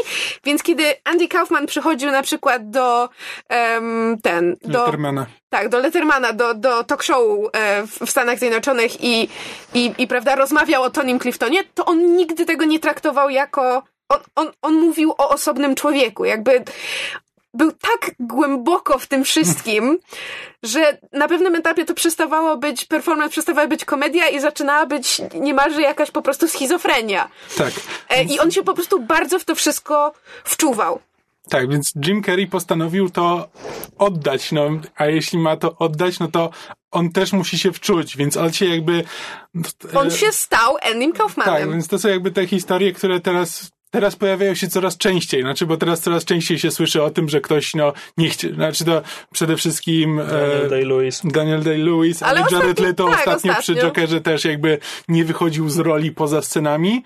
Jakby Jim Carrey też jakby budził się rano jako Andy Kaufman i cały czas ten. A jeśli, i to nawet jest taka scena, w której on tam mówi, że, że jestem strasznie zmęczony, nie mam siły, ale nie, jutro, jutro Tony Clifton. To ja mam wolne, bo jutro muszę się pojawić jako Tony Clifton. E, Wiesz, po prostu ciężko, wiesz, i też u Jim, wtedy u Kareya ciężko stwierdzić, na ile mm, co z tego jest grą, na ile on jemu kompletnie odwaliło, a na ile to jest po prostu jakiś taki performance. Tak, zwłaszcza, że on jakby sam w e, filmie dokumentalnym mówi, że po tym, kiedy skończył się proces kręcenia e, Man on the Moon, to on jakby miał załamanie nerwowe, że nie wiedział, kim jest, nie mógł się odnaleźć, bo przez tak długi czas był Andym Kaufmanem. I kiedy mówię był, serio, to znaczy, kiedy Jim Carrey był na planie Man on the Moon, zachowywał się jak Andy Kaufman. To znaczy, jeżeli rozmawiał z Miloszem Formanem, reżyserem filmu, na temat tego, że ta scena mu się nie podobała, nie mówił jako Jim Carrey pod tytułem mi się to nie podobało, tylko Andy Kaufman mówił, nie, to mi się nie podobało, zagram to inaczej. Albo właśnie robił coś szalonego, bo Andy to robił. Andy był taką, taką osobą, która on szukał on, wymuszał na ludziach reakcję. To jakby właśnie on nie był komikiem, tylko bawił się, nie wiem, poczuciem dyskomfortu, e, spontanicznością, improwizacją, robieniem dziwnych rzeczy, na które nikt inny by nie wpadł. I bardzo często doprowadzał to do granic em, absurdu, przesady, czy, czy wręcz e, takich, że no, nie, nie wiem, jak to tak, jakby powiedzieć. cie- ciężko nawet jakby z y, publiczności było jakby stwierdzić, co jest prawdą, a co jest jakby przedstawieniem, na przykład też jakby jeden z jego wy- występów, który jakby widziałem, to jest taki, w którym on jakby tak jakby próbował e, próbował coś, jakieś żarty opowiadać, nie pamiętam dokładnie o co chodziło, ale w każdym razie coś opowiada i ludzie się, ludzie się śmieją, a on jakby, a on wtedy wpada, że czemu się śmiejecie, to jest moje życie, to nie jest ten, i jakby, i doprowadza to do tego punktu, że jakby, i na początku wszyscy się śmieją, że no to jest ten, ale w którymś momencie jakby on to ciągnie tak długo i na tyle skutecznie, że wszyscy się zaczynają zastanawiać, czy, Ej, ej, tak. ej serio, ale może przestańmy, bo chyba jemu jest przykro. tak, te, tego, te, tego typu rzeczy.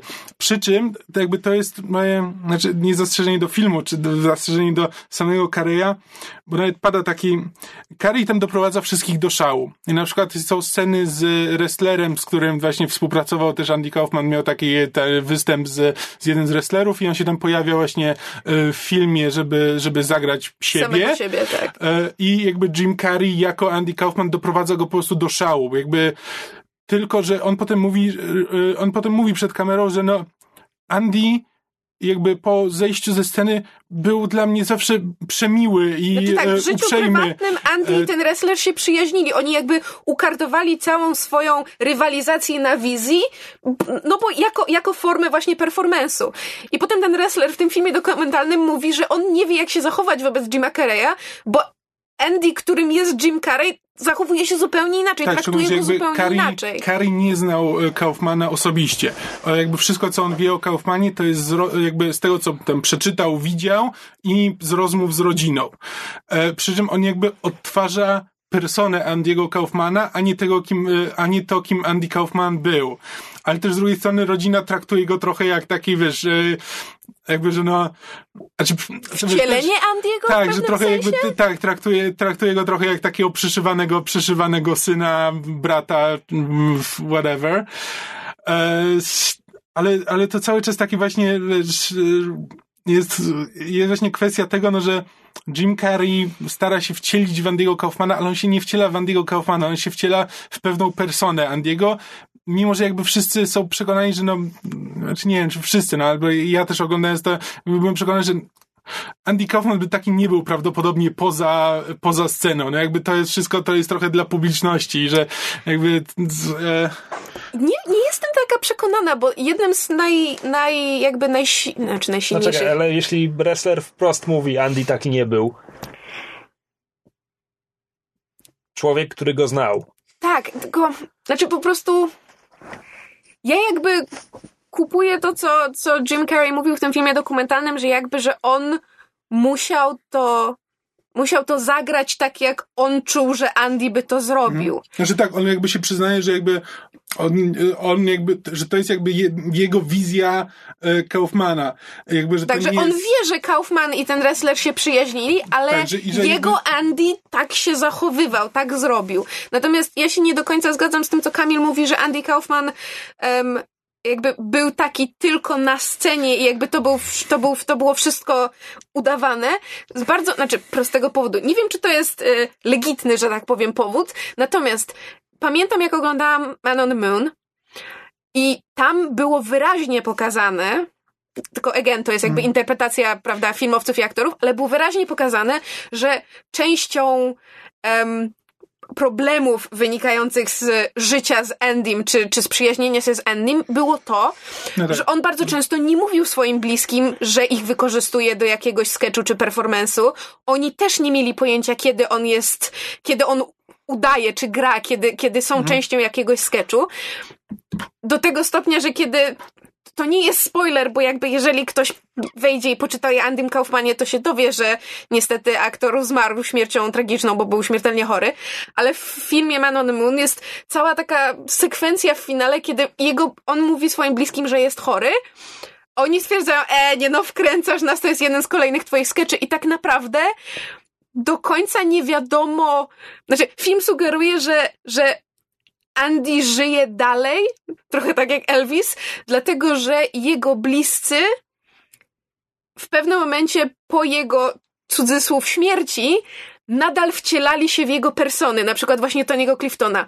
E, współpracownik Andiego Kaufmana, Bob Zmuda, e, który czasami mu pomagał e, się wcielać właśnie w Tony'ego Cliftona, żeby były takie momenty, gdzie Tony Clifton jest na scenie i wszyscy myślą, o, Andy tak świetnie to zag- świetnie tak gra tego Tony'ego, po czym Andy Kaufman wchodzi na salę i masz konfrontację pod tytułem, tak, to to Andy i, i Tony Clifton to są dwie osobne osoby? Wait, what? W związku z tym wiadomo, że Bob Zmuda po śmierci Andiego jakby grał dalej, pomagał ciągnąć tę legendę dalej. Więc jakby Andy Kaufman był szalenie skomplikowaną postacią i tak jak ja nie do końca kupuję ten rodzaj performance'u, bo ja bardzo nie lubię second hand embarrassment, bardzo nie lubię wprowadzania w zakłopotanie. Tak szanuję, co próbował zrobić. Znaczy, ja bym dostała szału, jakby mnie coś takiego robiono, ale bardzo szanuję to, z jakim ślepym oddaniem on się temu poświęcał. I fakt, że jak sugeruje film dokumentalny Jim and Andy, Jim Carrey poszedł do tego z takim samym ślepym po prostu zapamiętaniem, z takim samym ferworem, bardzo mi imponuje. A z drugiej strony jest też aspekt, o którym nie wspomnieliśmy, to znaczy Jim Carrey, e, bo, bo e, struktura Jim and Andy wygląda tak, że mamy te, te nakręcone za kulisami e, klipy, sporo też jest wywiadów, natomiast to wszystko jest przetykane em, wywiadem z Jimem Carreyem współcześnie, gdzie on siedzi zarośnięty i jakby to wszystko e, wspomina. I o mój Boże, to jest tak smutny człowiek. Co, Jim Carrey? Tak, ja się o niego tak strasznie teraz martwię. Bo to jest... Znaczy, to, to jakby jeśli ktoś widział na przykład ten, em, ten wywiad z jakiegoś tam, nie pamiętam, z rozdania jakichś tam nagród, czy co to tam było. Nie, to Nie, był Fashion, Fashion Week. Week. Fashion Week. Fashion Week. E, tak, to, to mniej więcej to, to, to tutaj Carrie jest mniej więcej przez cały film. Czy on jest takim trochę wannabe nihilistą? E, I też jakby oglądając, oglądając ten film, ja się zastanawiałem, na ile to jest rzeczywiście Carrie jest w takim stanie emocjonalnym, psychicznym, A na ile to jest trwający wiele miesięcy performance? tak, a na ile to jest po prostu coś, co on jakby gra przed tym, że po prostu gra kogoś, komu nie zależy na niczym i, e, i wszyscy jesteśmy tylko prochem wszechświata. E, to, to jest strasznie dziwnie, to się, to się dziwnie ogląda, bo jakby właśnie jest, e, jakby przez cały czas się zastanawiasz właśnie na ile gdzie, gdzie jest prawdziwy Jim Carrey? Znaczy, który, który Jim Carrey to jest, e, to jest pra, prawdziwy? Czy ten, którego znamy z filmów, czy, ze, czy z jego stand-upów, czy ten, który właśnie grał Andy'ego Kaufmana? E, jakby to, bo on mówi, że jakby granie Andy'ego Kaufmana jakby jakby wyzwoliło w nim coś, że jakby pozwalało mu nie robić być rzecz. Ta, znaczy tak, a z drugiej strony, znaczy właśnie, że trochę, trochę być sobą, że właśnie, że robić to, co. E, e, niekoniecznie to, na co miał ochotę, ale to co, to, co mu się wydawało właściwe, jakby nie martwić się o innych. No, a, a na ile prawdziwy jest ten smutny Jim Carrey, którego widzimy jakby na przebitkach e, w tym dokumencie. E, jakby zastanawianie się nad tym, na, wiesz, czy on jest normalny, czy, czy nie, czy on jest w głębokiej depresji, czy to jest trochę udawane, to jest, to jest część jakby przyjemności płynącej z filmu, właśnie próba znalezienia Jima Carrey'ego w tym filmie. Tak, a z drugiej strony. Kareja. Kareja, chyba. E, to, co dla mnie było też jakby bardzo e, takim, nie wiem, istotnym jakimś ładunkiem emocjonalnym, który wyniosłem z tego seansu, to było właśnie to, jak Jim Carrey mówił o w kontekście właśnie tego szerszego doświadczenia, jakim było granie Andy'ego Kaufmana jak bardzo się wczuł w tę rolę i z nią zżył, jak trudno mu było to potem porzucić. Szerszy kontekst tego właśnie, jak aktorzy się wcielają w różne role, tego, jak właśnie, jak to jest być komikiem, który, prawda, mówi żarty i się, się uśmiecha w momencie, kiedy w środku coś w nim umiera i że się, prawda, stwarza takie fasady, e, które, które nas oddzielają od, od ludzi, mimo że mają nas z nimi połączyć. I dla mnie to było szalenie takie tak, bliskie, a poza mówi... tym bardzo mi się skojarzyło z Robinem Williamsem świętej mhm. pamięci, bo to jest coś, o czym bardzo często się słyszy, mam wrażenie, w kontekście komików, jeżeli się ogląda wywiady z komikami, zwłaszcza jeżeli komicy rozmawiają między sobą. To jest to rzecz, która bardzo często powraca, właśnie temat depresji i tej takiej, te, tego takiego rozłamu, który następuje w osobie, która ma stwarzać pozory tego, że jest wesoła, szczęśliwa i się je żartami, a w środku coś jest nie tak. Nie bez powodu się mówi, że jakby komedia się bierze z traumy. E, I i powiem wam szczerze, że ja się po prostu bardzo o Jima Carreya teraz martwię. Nie obchodzi mnie, czy, czy to jest performance, ja po prostu mam już takie ciemne wizje. No, ale to jest bardzo dobry film. Inaczej, e, jeżeli chcecie obejrzeć ten film dokumentalny, to przydałoby się najpierw obejrzeć Man on the Moon, bo jakby nadaje temu szerszy kontekst. Bez tego nie wiem, czy się da. No, warto przynajmniej wiedzieć, kim był Andy Kaufman, a jakby też warto się dowiedzieć z filmu raczej niż z znaczy, no można obejrzeć na przykład na YouTubie jakby jego występy i tak dalej, ale myślę, że to to samo nie powiem, bo jakby film daje, film daje kontekst jakby pewnych czasów, w których to powstawało, jakby Ludzi, którzy w tym tak, brali udział. My jesteśmy już trochę, znaczy wiesz, jakby Andy Kaufman się o tyle zestarzał, że my jakby obecnie jesteśmy przyzwyczajeni do ludzi, którzy po prostu są znani z tego, że robią pierdoły, robią głupie rzeczy hmm. i wiesz, na YouTubie, czy nawet, nawet w telewizji. Jakby Vine, po prostu wszystko. tak, wiesz, w reality show i tak dalej, że po prostu ludzie są, stają się sławni z różnych powodów, niekoniecznie z powodu talentu, tylko po prostu z tego, co są gotowi zrobić. A jakby Andy Kaufman to właśnie yy, jakby występował w czasach, kiedy to nie było normalne, kiedy jakby, żeby wystąpić w telewizji, no to trzeba było być albo muzykiem, albo komikiem, albo, znaczy mieć jakiś talent, który jakby było warto pokazać w telewizji. Andy Kaufman wychodził i robił coś, jakby i to trochę ludzi jakby porwało, że no, że to nie jest, to nie jest to, co się zawsze widzi w telewizji, no jakby teraz to już nie jest takie, to, to nie jest takie unikalne. Um, więc jakby warto, warto obejrzeć film, no bo film wtedy przedstawia kontekst odpowiednich czasów i jakby odpowiednich reakcji na to, na to kim był Andy Kaufman i potem właśnie warto zobaczyć jak sobie, jak Kari do tego dochodził i co to dla niego znaczyło. Hmm. Więc tak, bardzo polecamy. E, dodatkowo jeszcze mogę e, dorzucić, bo sprawdziłam na Wikipedii. W momencie 6 e, grudnia czyli prawie miesiąc po premierze, film ma nadal 100% na Rotten Tomatoes. Ha, okay. No. To co, pora na pierwszą odsłonę klubu filmowego Myszmarza. tak jest. Jako się rzekło, zaczynamy od Ryana Johnsona. Na pierwszy ogień z filmów tegoż e, twórcy poszedł film The Brothers Bloom. Bracia Bloom. Tak. Który opowiada? E, opowiada o oszustach, conmenach. E, f- e, gra, główne role grają Mark Ruffalo i Adrian Brody. E, oprócz tego jest e, nie Winona Ryder, tylko Rachel Rachel Welsh, Weź, e, Rachel Wesh. Oraz Rinko Kikuchi. Tak. znana jako Mako Mori z Pacific Rim. tak. Długą chwilę nam zajęło skojarzenie, że to ona. Naprawdę? Tak, jakoś te blond włosy mnie zdekoncentrowały. Ja ją widziałem jeszcze w Norwegian Wood. A. E, I Ryan Johnson nie tylko wyreżyserował, ale też napisał ten film. Nie wiem, czy nie pamiętam, czy o tym wspomnieliśmy. jeszcze nie. Tak. Mm. Tak, więc jakby poznajemy na początku, jakby po, poznajemy braci Bloom już jako dzieci, sieroty, które e, jakby przechodzą z rodziny do rodziny, bo nikt ich na dłużej nie chce, bo oni są praktycznie od urodzenia konmenami, bo już oszukują, oszukują małe ten, swoich kolegów z podwórka. Jakby właśnie pierwsza, pierwsza scena to jest właśnie pierwszy ten, pierwszy ten kon, który oni przeprowadzają.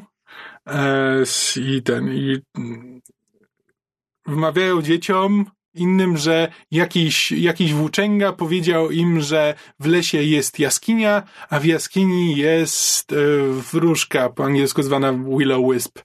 Jakby światełko, magiczne światełko, które tam się pojawia i że Ogniki. Tak, że tylko, że ten włóczęga im to powie za 30 dolarów, więc oni zbierają tam od wszystkich dzieci te 30 dolarów i e, zaganiają jego do jaskini, gdzie e, udają, udają wróżkę i w ten.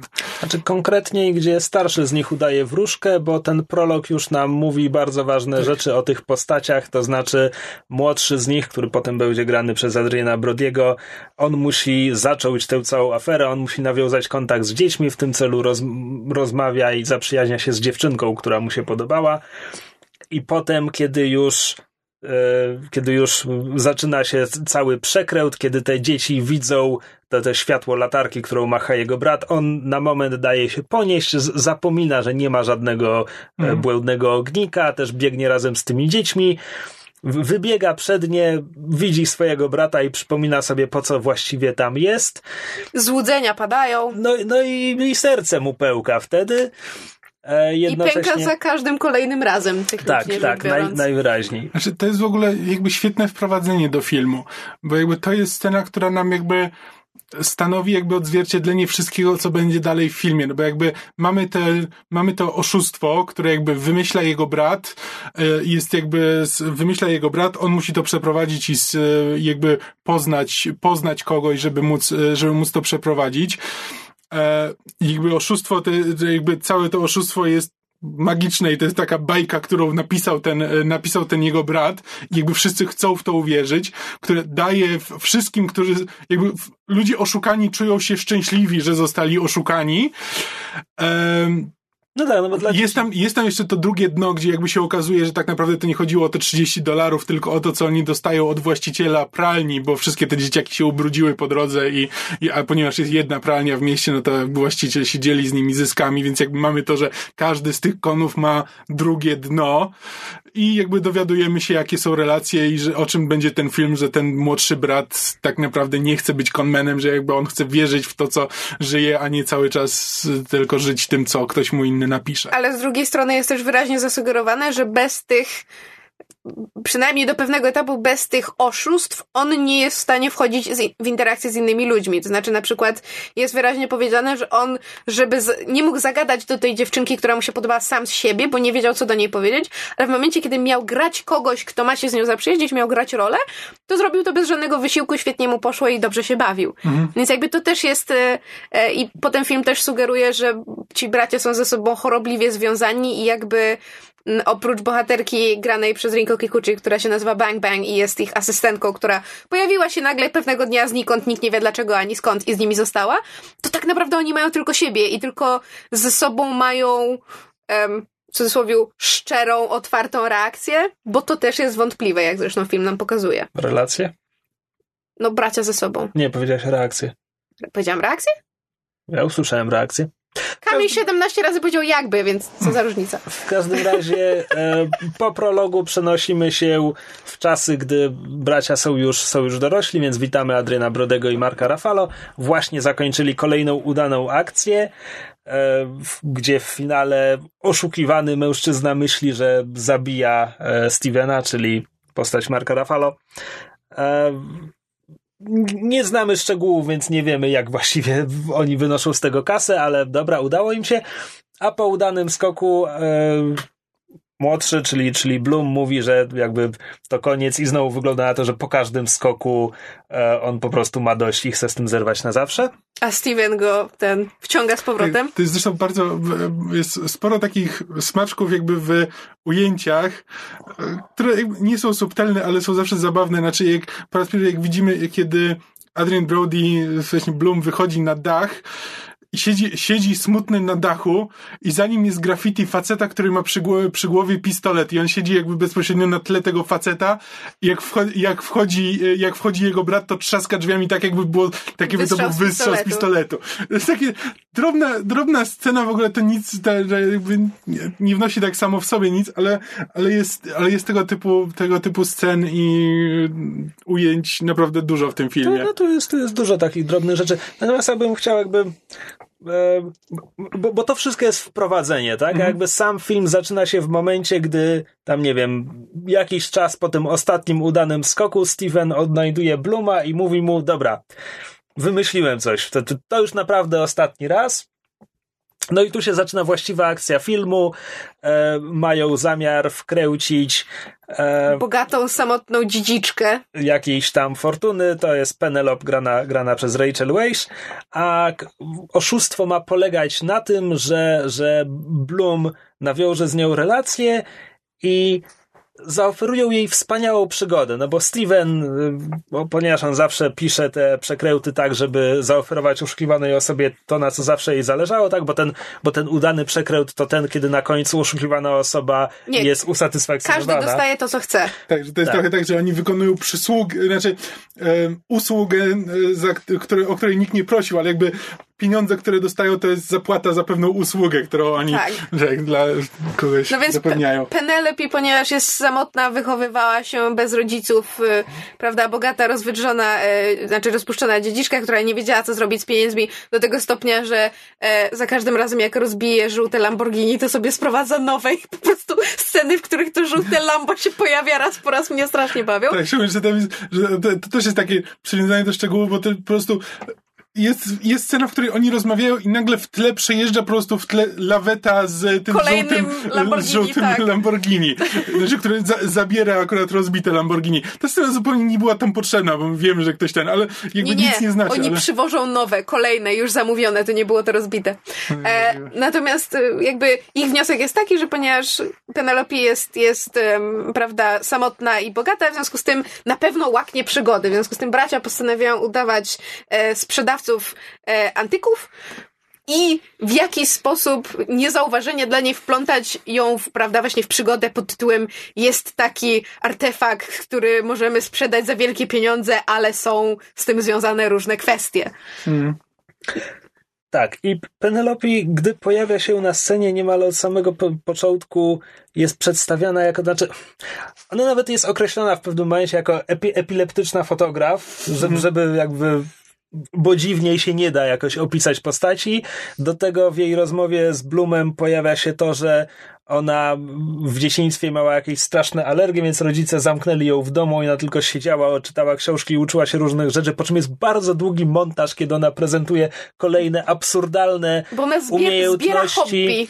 E, z, z jazdą na monocyklu i żonglowaniem piłami mechanicznymi jednocześnie włącznie. Że w ogóle to wszystko, cały, cały film... No. Zasadniczo, ja, ja po prostu chciałem powiedzieć, że ona od, od pierwszego ujęcia niemalże jest prezentowana jako Manic Pixie Dream Girl, mm. przy czym... Ale nie. To znaczy raz, że ale nie, ale zasadniczo myk polega na tym, że to jest Manic Pixie Dream World. Jakby tutaj tak. wszyscy mhm. są dziwni. Znaczy, w ogóle e, on, ten film jest nakręcony, napisany jakby tak, mógłby go zrobić Wes Anderson i nie mrugnąłbyś okiem. Gdyby ktoś powiedział, że to, że to zrobił Wes Anderson. Brakuje w nim tylko trochę po prostu wizualnej symetrii. Tak, ale nawet jakby, nawet jest ta taka bezczasowość filmów Wesa Andersona, bo jakby filmy Wesa Andersona nie wiesz w jakiej epoce się dzieją. I tutaj Tak, też masz, oni jadą pociągiem, lokomotywą parową gdzieś jadą, a po czym podłączają chip jakiś e, ten i podsłuch, e, podsłuch robią. I to kompletnie nie ma ten samo, To jest samochód. zasadniczo... To jest nakręcone jak film z lat 60. z akcją osadzoną w latach 60., poza tym, że ktoś ma komórkę i tam jeszcze Tak. jakiś inny Po wynalazek się prostu pojawia. nie ma znaczenia w jakiej epoce to się dzieje. E, Wes jak, Anderson kręci Ocean's Eleven. coś trochę, powiedzmy, blisko. A. Wiesz co, to znaczy może, ale na przykład mo- ja miałem inne skojarzenie, mi to przypominało niektóre filmy braci Cohen. Um, bo to, to są po prostu. To jest grupa dziwnych ludzi, którzy robią dziwną rzecz i zasadniczo jest to zabawne, chociaż czasami jest dramatyczne, więc. Tak. Nie wiem, myśl, myślę, że moje skojarzenie jest e, równie, równie uprawnione. No tak, czyli e, e, Penelope zostaje wplątana w machinacje e, braci Bloom, którym towarzyszy Bang Bang, która niby jest ich asystentką, ale tak naprawdę to czasami mam wrażenie, że ona tak naprawdę, że ona jakby wie najwięcej z nich wszystkich. Są takie cudowne sceny, kiedy na przykład się okazuje, Penelope coś tam mówi, że no, bo dzwoniła do mnie Bang Bang. Skąd masz jej numer? No dała mi swoją komórkę. Ja nigdy nie, ja nigdy nie dostałam jej numeru telefonu. Ona ma komórkę. E, bardzo taką śmieszna postać, która zresztą nie mówi przez cały film. To jest postać zupełnie nie ma, mówi... nie zupełnie. nie, Nie. zupełnie. Znaczy, Ona- mówi, mówi jedno zdanie. Znaczy, Czekaj, nie, no. mówi, mówi Campari, mówi fuck me e, i, I śpiewa śpiewa piosenkę. piosenkę. Mm, tak. Ale jakby poza tym w, w, w scenach z innymi postaciami jakby tylko reag- znaczy gra reaguje mimiką, jakby nie, nie ma dialogów, Znaczy, może tak. To, tak, natomiast znaczy, ją się strasznie fajnie ogląda, bo zasadniczo jej rola sprowadza się do tego, że poza paroma scenami, gdy jej postać ma wykonać jakąś część planu, to ona po prostu jest w tle i robi coś dziwnego. Tak. Chyba, I chyba, czasami robi jakąś minę reagując na to, co się dzieje. chyba moją ulubioną sceną jest, jest sekwencja z obieraniem jabłka. A, myślę, że Czekaj, nie ma nie co pamiętam stra- sekwencji zabierania E, jabłka. Wiesz co, e, bracia i Penelope coś omawiają na, na statku i e, Bang Bang siedzi przy stole i obiera jabłko, po czym tam w pewnym, w pewnym momencie, który jest do, dość kluczowy, e, bo, bo jesteśmy jesteśmy oszukani, bo myślimy, że Penelope jest o krok od domyślenia się, że to jest wszystko jeden wielki przekręt. E, Bang Bang wtedy wyrzuca to obrane jabłko za pokład i patrzy na Stephena, tak jakby to miało znaczyć, patrz, doigrałeś się, ty zawsze tam wzorujesz się na wielkich i tak dalej, a ona wyłapała twoje nawiązanie, za, zaraz wszystko się rypnie. Po czym okazuje się, że Penelope po prostu wzrusza ramionami, a my mamy przebitkę na Bang Bang, bo okazało się, że to nie była ta puenta tej sceny, ona teraz po prostu je tę skórkę, którą wybrała z jabłka. Tak, tak, tak. Pamiętam. No. E, I jakby po- pozostałe e, ileś tam minut filmu, no to to jest cały ten właśnie proces e, jechania, e, znaczy wplątywania w całą tę akcję innego, znaczy oszusta, nie wiadomo, w każdym razie wynajętego aktora, którego gra Robbie Coltrane, który ma się wcielać w jakiegoś belgijskiego e, e, nie wiem, konesera sztuki, nie, dyrektora muzeum. który sam z tego muzeum podkrada. Tak, To jest- który niby ma dostęp, wie, wie gdzie jest jakiś artefakt, który oni muszą e, zdobyć, ale go żeby zdobyć muszą zapłacić, żeby potem zyskać więcej. On potem ucieka z tymi pieniędzmi, co jest oczywiście częścią tego oszustwa, żeby, żeby wykraść pieniądze od Penelope. I jakby to jest, to jest, to jest przekręt w przekręcie. Jakby za każdym razem, kiedy myślimy, że już ten przekręt na Penelope się, się skończył, okazuje się, że Stephen go rozpisał jeszcze dalej, że to jest jeszcze bardziej e, jakby zaangażowany, że to trwa. To jest, to jest long con, to jakby wiele miesięcy się, e, wiele miesięcy tam mija, zanim, zanim to się skończy. No i jakby częścią tej całej historii jest, jak można się domyślić, fakt, że Bloom się w Penelope powoli zakochuje. Wbrew sobie. I do końca my nie wiemy i on nie wie, na ile to jest część tej roli, którą gra nie po raz pierwszy. Znaczy, po raz pierwszy do tego stopnia, że zostało nam w filmie wyraźnie powiedziane, że to jest pierwszy raz, kiedy oni wkręcają kobietę, znaczy kiedy ich Czy tak, że jakby Bloom Ofiarą ma zasadę, jest- że nie, ofiarą nie może być kobieta, no bo jakby widzieliśmy w pierwszej scenie, że jakby no to, to się mocno odbiło na jego psychice i on nie, nie chce się znowu w to, że jakby z mężczyzną, no to nie, nie zaangażuje się do tego stopnia jak z kobietą i on jakby on tym wie i dlatego nie chce prawdopodobnie e, oszukiwać kobiet. Tak, więc jakby z jednej strony mamy to, że on jest przyzwyczajony do wcielania się w rolę i udawania pewnych emocji, a z drugiej strony to jest pierwszy raz, kiedy, kiedy em, musi grać w relacji z kobietą, więc on sam nie do końca wie, co jest udawane. Mam wrażenie, że sobie wmawia też pod pewnymi względami, bo też sam Bloom przez cały, przez całą czas trwania tego, tego konkretnego oszustwa się zastanawia, na ile to jest oszustwo napisane nie dla Penelope, ale dla niego. Bo jakby e, jest zasugerowane, że Steven bardzo często mu właśnie nie mówi pewnych rzeczy na temat oszustwa, żeby jakby uzyskać u niego prawdziwe reakcje, czy po prostu, żeby rzeczy się rozwijały swoją naturalną koleją Ponieważ rzeczy. on zna brata i wie, co zrobi, to jakby liczy na, po prostu jest w stanie w to wpisać w plan, że no on zareaguje w tym momencie w ten sposób i jakby i, i to wtedy będzie naturalne, więc nie musimy o tym mówić. Tak, w związku z tym Bloom ma podejrzenia, że całe to oszustwo, włącznie z postacią Penelope, jest oszustwem czy planem stworzonym dla niego, jest scenariuszem stworzonym pod niego. Nie do końca wiadomo w jakim celu. Chyba po to, żeby. Znaczy, film sugeruje, że po to, żeby unie, usamodzielnić Bluma, bo on jakby całe życie był związany ze swoim bratem, polegał na nim, to, to Steven zawsze pisał scenariusze, a Bloom je tylko odtwarzał. Więc film sugeruje, że jeżeli to oszustwo nie jest dla Penelope, tylko dla Bluma, to jest po to, żeby go uniezależnić. Żeby stanął na własnych nogał, nogał? Noga. nogach e, i, i nauczył się żyć własnym życiem, co jest po części tym, cze- czego on pragnie, no bo jakby nie bez powodu za każdym razem, po każdym skończonym e, oszustwie mówi ej, to było ostatnie, koniec, już więcej nie wracam. I quit. I tak dalej. Mam dziwne pytanie. Mhm. Film nazywa się Bracia Bloom. Czy Bloom to jest ich nazwisko? No właśnie- Czy to jest Steven Tak. Bloom i Bloom Bloom? Blum, blum. Tak jak Luigi Mario i Mario Mario? Znaczy, ja myślę, że to jest niedopowiedziane, że to, ale znaczy, to może być, może być symboliczne na zasadzie, że Bloom jest prawdziwym Bloomem. Steven tylko kogoś zawsze udaje, a Bloom jest prawdziwy, więc on jest Bloomem, a Steven jest Stevenem. I don't know. Nie, znaczy raczej to, co film sugeruje poprzez e, nazwaniem, e, nie, nie podaniem nam jak pra- naprawdę na imię ma Bloom, czy też jakby w ogóle pominięciem jego imienia, jest podkreślenie właśnie tego, że, że jakby od samego początku ich relacji, czy, czy ich, że tak powiem, e, braterstwa, Bloom był zawsze na drugiej pozycji. On był tym, tym tą, tą pustą czarą, do której Steven wlewał rolę, i on jakby nigdy nie mógł być sobą, nigdy nie był własną jednostką, tylko był częścią duetu braci Bloom. A Steven był. He was his own person. No ja to tak interpretuję. Co nie zmienia faktu, że myśl o tym, że on się nazywa Bloom Bloom jest szalenie e, ujmujące. Tak. I to, co mi się w tym filmie bardzo podoba, to jest właśnie to granie z widzem do samego końca, tak jak, tak jak jakby postacie grają same ze sobą do tego stopnia, że Bloom na różnych etapach nie wie, czy właśnie, czy to jest oszustwo dla Penelope, czy dla niego, czy w ogóle cokolwiek z tego jest oszustwem, co jest prawdą, co jest fałszem, to film tak też gra z nami. I mam wrażenie dość skutecznie. To znaczy, ja ten film oglądałam drugi raz, ponieważ widziałam go pierwszy raz parę, parę lat temu i pamiętam, że mi się bardzo spodobał i wtedy zdołał mnie oszukać.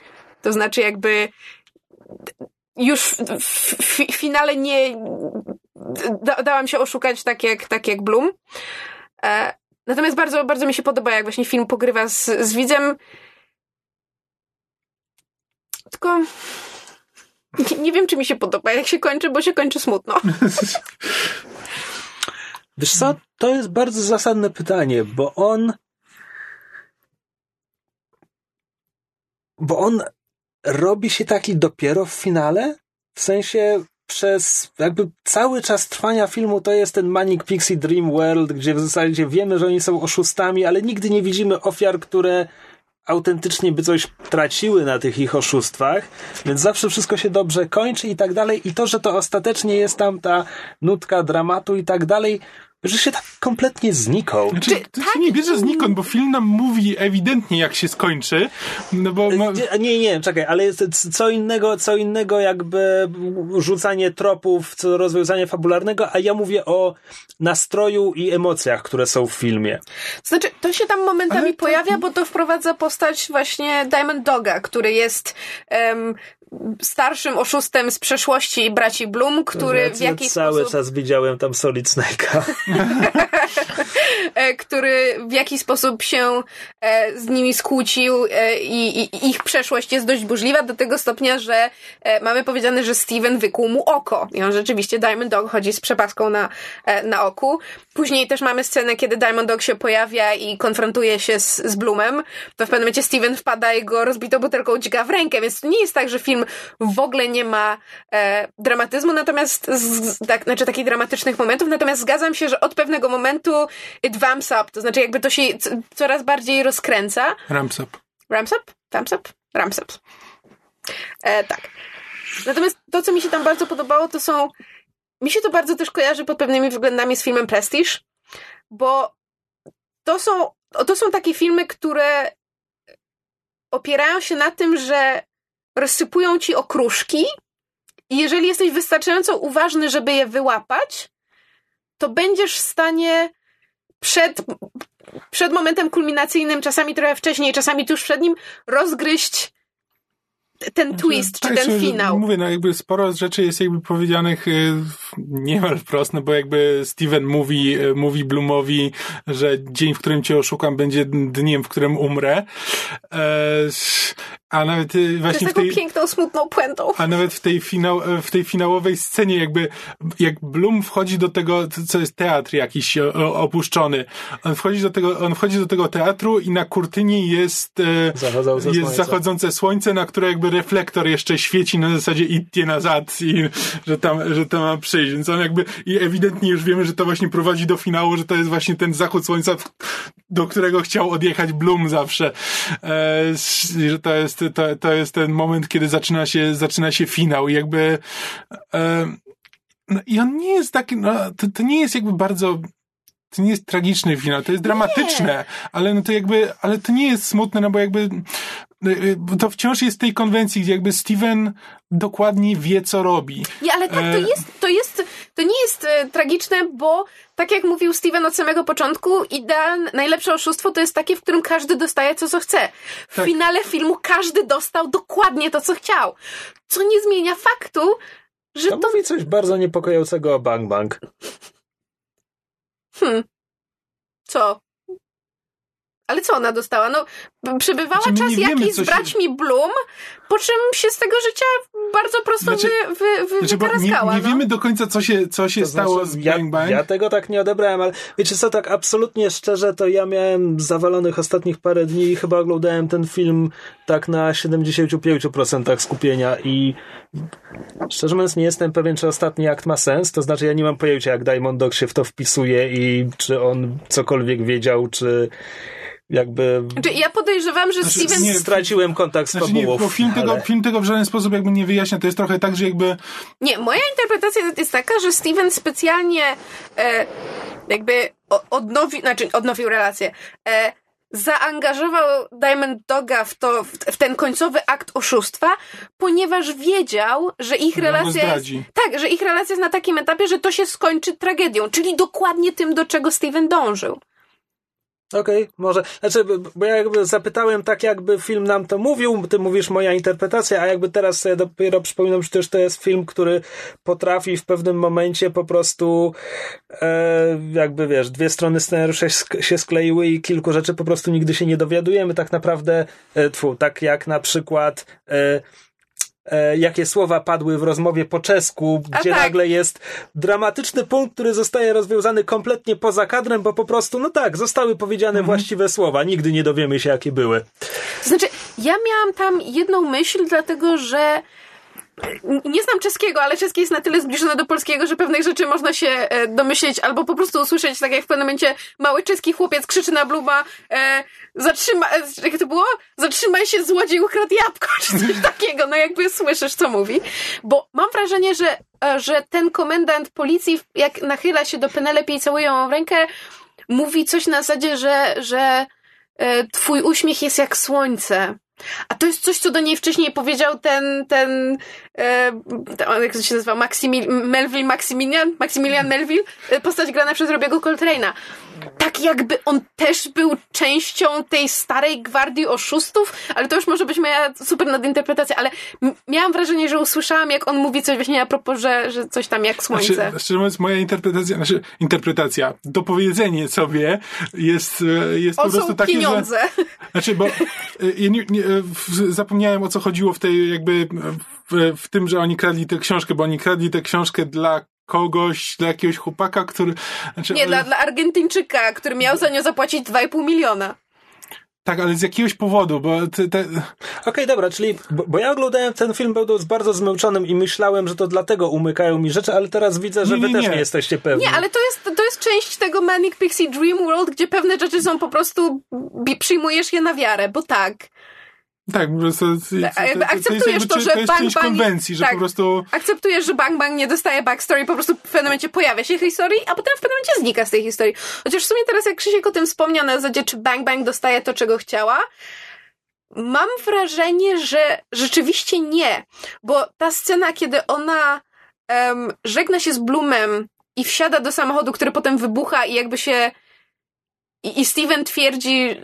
Właśnie, bo o cholera. My nie wiemy, czy ona, czy, czy nie, ona czekaj, była bo... w tym samochodzie. No, kiedy, kiedy, kiedy Bloom pyta, kiedy Steven pyta Bluma o Bang Bang i ona mówi, i on mówi, że ona po prostu tam zniknęła, e, ten, to Steven daje mu do zrozumienia, że no tak, po prostu wyparowała tak jak miała, e, a Bloom myśli, okej, okay, dobra, czyli zrealizowała swoją rolę i gdzieś się ukryła, ale to jest ten moment, kiedy jeszcze Steven wkręca Bluma we wszystko. No właśnie, Dlatego ja, ja byłem w świecie przekonany, że po prostu zginęła w tym no właśnie, samochodzie. ja teraz dopi- dopiero teraz miałam myśl pod tytułem ej, a jeżeli a, a kiedy jeśli... Steven mówił, że Bang Bang zniknęła, to, to też znaczy, była część tego oszustwa. To, to, jest po prostu coś, co... Znaczy, ona, film... ona, jest, ona jest nie piromanką, tylko no, ktokolwiek, jakkolwiek no, nazywa się ktoś, kto lubi eksplozję, więc wiesz, went out with a bang może być tym, czego zawsze chciała, He, nazywa tylko, że to jest mocno nie, ten, niepokojące. Znaczy, znaczy jakby w, w, w, moim zdaniem po prostu film na szczególnie, że ona jak odchodzi, to jest taka bardzo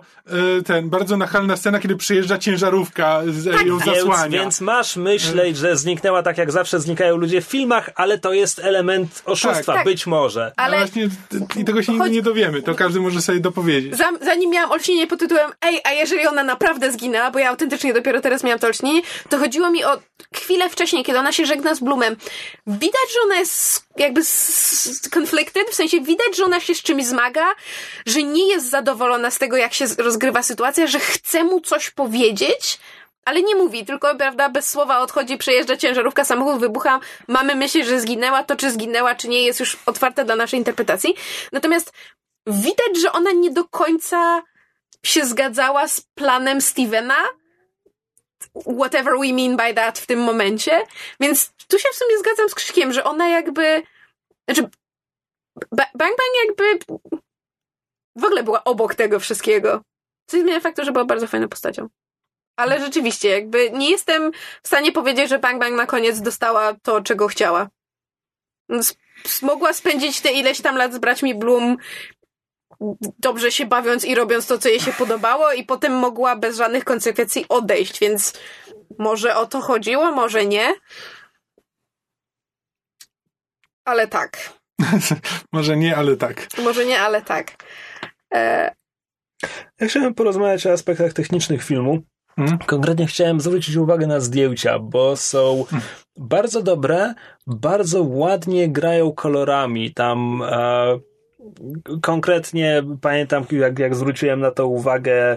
E, Boże, to jest gdzieś w trzech czwartych filmu, kiedy oni są już w Meksyku i tam następnego dnia mają przekazać e, ten, ten, tę ukradzioną rzecz, ale wcześniej dochodzi do konfrontacji i po prostu tam zwróciłem uwagę, nie wiem, że Rachel Weisz jest w jakiejś tam jasno-pomarańczowej sukience, która bardzo ładnie koresponduje z jakąś inną plamą podobnego koloru w kadrze i tak dalej. I tak sobie pomyślałem, że w zasadzie tutaj w całym filmie jest dużo mm. takiej gry barw i widać, że to Ale... wszystko zostało bardzo ładnie skomponowane.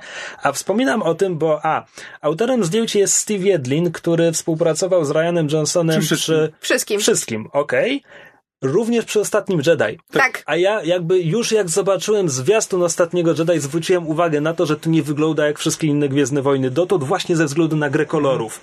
Więc to jest ewidentnie coś, co ten człowiek robi i tym bardziej nie mogę się doczekać e, środowego pokazu. Ale hmm. gra kolorów to jedna. Druga rzecz to jest właśnie, tam są niesamowite czasami kadry, czy ujęcia, czy sekwencje, bo tak jak Kamil wspominał o tym, o tym ujęciu z tym graffiti pistoletu i tymi otwierającymi się drzwiami, to jest też jedna fantastyczna scena, kiedy e, postać postać Penelope ma monolog właśnie o tym, jak, jak ona była chora, jak, jak e, rodzice ją, prawda, odseparowali od wszystkich, no bo miała te różne alergie i ona wtedy się e, bawi kartami, to znaczy jakby robi sztuczki magiczne. I jest takie fantastyczne ujęcie, które idzie od, od jej rąk jakby dookoła stołu, po czym widzimy jej twarz w lustrze, dekoracyjnym, które z jakiegoś powodu jest na stole i potem znowu, znowu jest, jakby obraca się do niej. I jest kilka takich scen. Jest też mhm. scena, kiedy e, Bloom i Penelope idą ulicą i, i, i mamy przez moment e, zasłonięte jakby przechodząc za jakąś tam kolumną czy za jakimś budynkiem i jak wychodząc za tego budynku to już się trzymają za ręce. Są takie mhm. naprawdę drobne momenty, które opowiadają historie, dodają do tam, tego tam świata są takie coś. drobniutkie rzeczy, ja nawet nie jestem w stanie ująć tego w słowa, ale jakby jest takie po prostu przejście kamery, kiedy Penelope wychodząc od konesera, jakby ona tam, y, on tam jej mówi te właśnie te ostatnie, że my upadli, potrzebujemy słońca, ona tam odchodzi, jest taka scena, która przechodzi od konesera do niej z powrotem jakby na dół na Bluma. jakby nie wiem, i tam jest coś poruszającego w tym, jak ta kamera jakby, jak ta kamera pokazuje jakby, wiesz, jakby e, to, co, to, co Penelope teraz przechodzi, jakby całe całą jakby relację Penelope, Penelope, Penelope, nie wiem, oni jakoś tak dziwnie nazywali. Nie wiem, Penelope. Penelope po prostu, e, mam wrażenie, że oni, nieważne.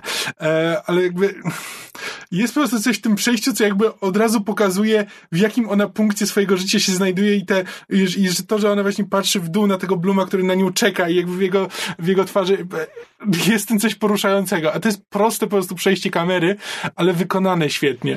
Ale a propos prostego przejścia kamery, nie wiem, czy zwróciliście uwagę, kiedy mamy na samym początku filmu e, scenę, kiedy bracia Bloom i Bang Bang e, są w krzakach pod rezydencją Penelope, E, I to jest właśnie moment, kiedy oni ją śledzą i ją poznajemy i, i wiemy, że zaraz e, w jakiś sposób oni się, prawda, wtrącą w jej życie.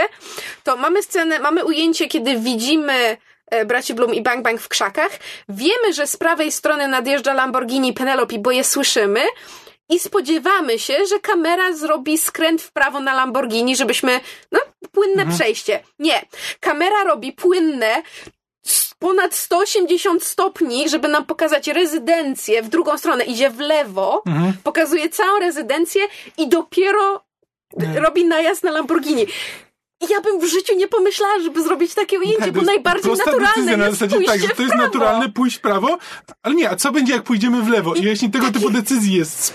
Jest tyle takich rzeczy i mi się tak, tak strasznie podoba, ale żeby było śmiesznie, a propos ciekawostek, bo oprócz tego, że właśnie z, z, ze Steve'em Lidlinem um, współpracuje Ryan Johnson przy każdym filmie, jest też jeszcze jedna osoba, z którą współpracuje przy każdym filmie, jak się okazuje, włącznie z The Last Jedi, co prawda w małej um, rulce głosowej, mianowicie jest to John, Joseph Gordon-Levitt, który będzie bohaterem naszego e, kolejnego cyklu. On się pojawia w tym filmie. Joseph Gordon-Levitt ma malutkie cameo jako przypadkowy oszust w scenie, kiedy oni są w tej e, podziemnej knajpie, knajpie tak. noże właśnie oszustów. Swoją drogą, fakt, że ten film sugeruje, że jest całe podziemie oszustów, jak niemalże podziemie asesynów w Johnie Wicku, jest cudowny i ja bym chętnie zobaczyła kolejny film w tym świecie.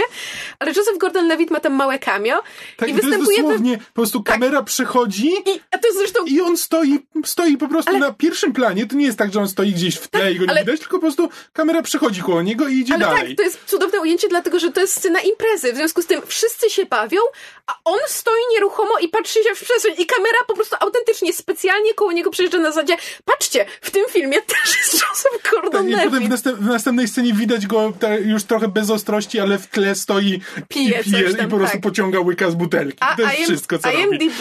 Wyraźnie, że tak powiem, twierdzi, że Joseph Gordon-Levitt ma małą rulkę głosową w The Last Jedi, w związku z tym widać, że to jest e, Lucky Charm jego. E, Tak, to jest, jest obecny jak, przy każdym jak filmie. ten, y, jak on się, jak dla Greg- J.J. Abramsa, Greg Grunberg, tak. Greg Grunberg, tak, który też jest w jego wszystkich filmach. No, a jeszcze, żeby było śmieszniej, e, Ryan Johnson współpracuje też ze swoim kuzynem Nathanem Johnsonem przy muzyce do wszystkich swoich filmów, oprócz The Last Jedi, no bo The Last Jedi jakby już się wpisuje trochę inną konwencję, ale wszystkie filmy, które będziemy omawiać w, w ramach naszego cyklu, e, muzykę też, też robiła ta sama osoba. Więc mamy w ogóle twórczy, że tak powiem, e, cykl jednolity. Tak. Ale to był fajny film. To znaczy, kurczę, tak ostatecznie... Wnioski, Krzysztofie, podobało się. A, to znaczy, to, je, Te 70% uwagi, które mu poświęciłeś. to, jest, to jest spoko film, tylko jakoś nie potrafiłem się w niego zaangażować, e, więc był zabawny i był dobrze nakręcony, ale nie wiem, jakoś te postaci pozostawały dla mnie takimi wiesz, jakimi, jakimiś archetypami bardziej niż, niż prawdziwymi postaciami Mhm. e, i Ale ja się To znaczy- zgadzam. Nie, czekaj, no bo próbuję ująć w słowa to, co nie do końca jeszcze mi się wy- wyklarowało.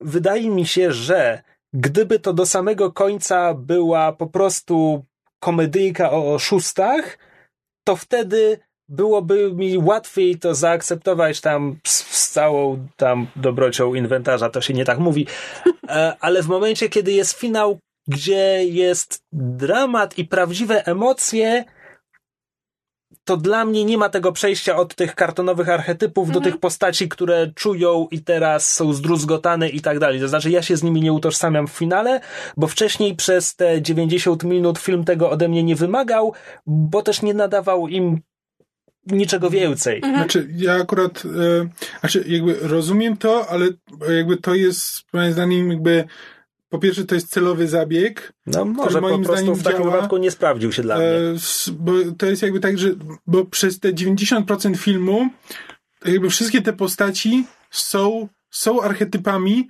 rozpisanymi przez Stevena.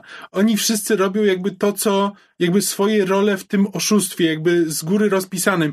I dopiero w tej, dopiero w tej ostatniej scenie jakby to jest to przejście, kiedy Bloom właśnie zaczyna żyć to Unwritten Life. Nie, o, tam jest E- piękne podsumowanie, że nie ma czegoś takiego jak unwritten life, there's only a badly written one.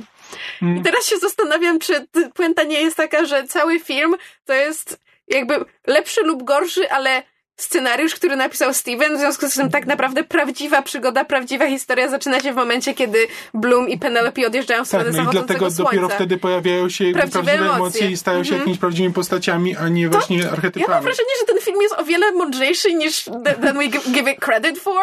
Ja, ja jestem skłonna właśnie- twierdzić, że jakby się ja- w niego wpatrzyć, to on się naprawdę układa. W Ja sensie... muszę coś sprawdzić, zapomniałem tego sprawdzić po seansie, ale bo e, w tej drugiej scenie oszustwa, znaczy po dzieciństwie, to oszustwo, które nie widzimy jak przebiega, widzimy tylko jego koniec, Bloom tłumaczy, że jego brat nawet dobrał fonetycznie słowa, e, które, e, e, które Bloom ma wypowiedzieć, żeby kiedy tamten będzie go zabijał.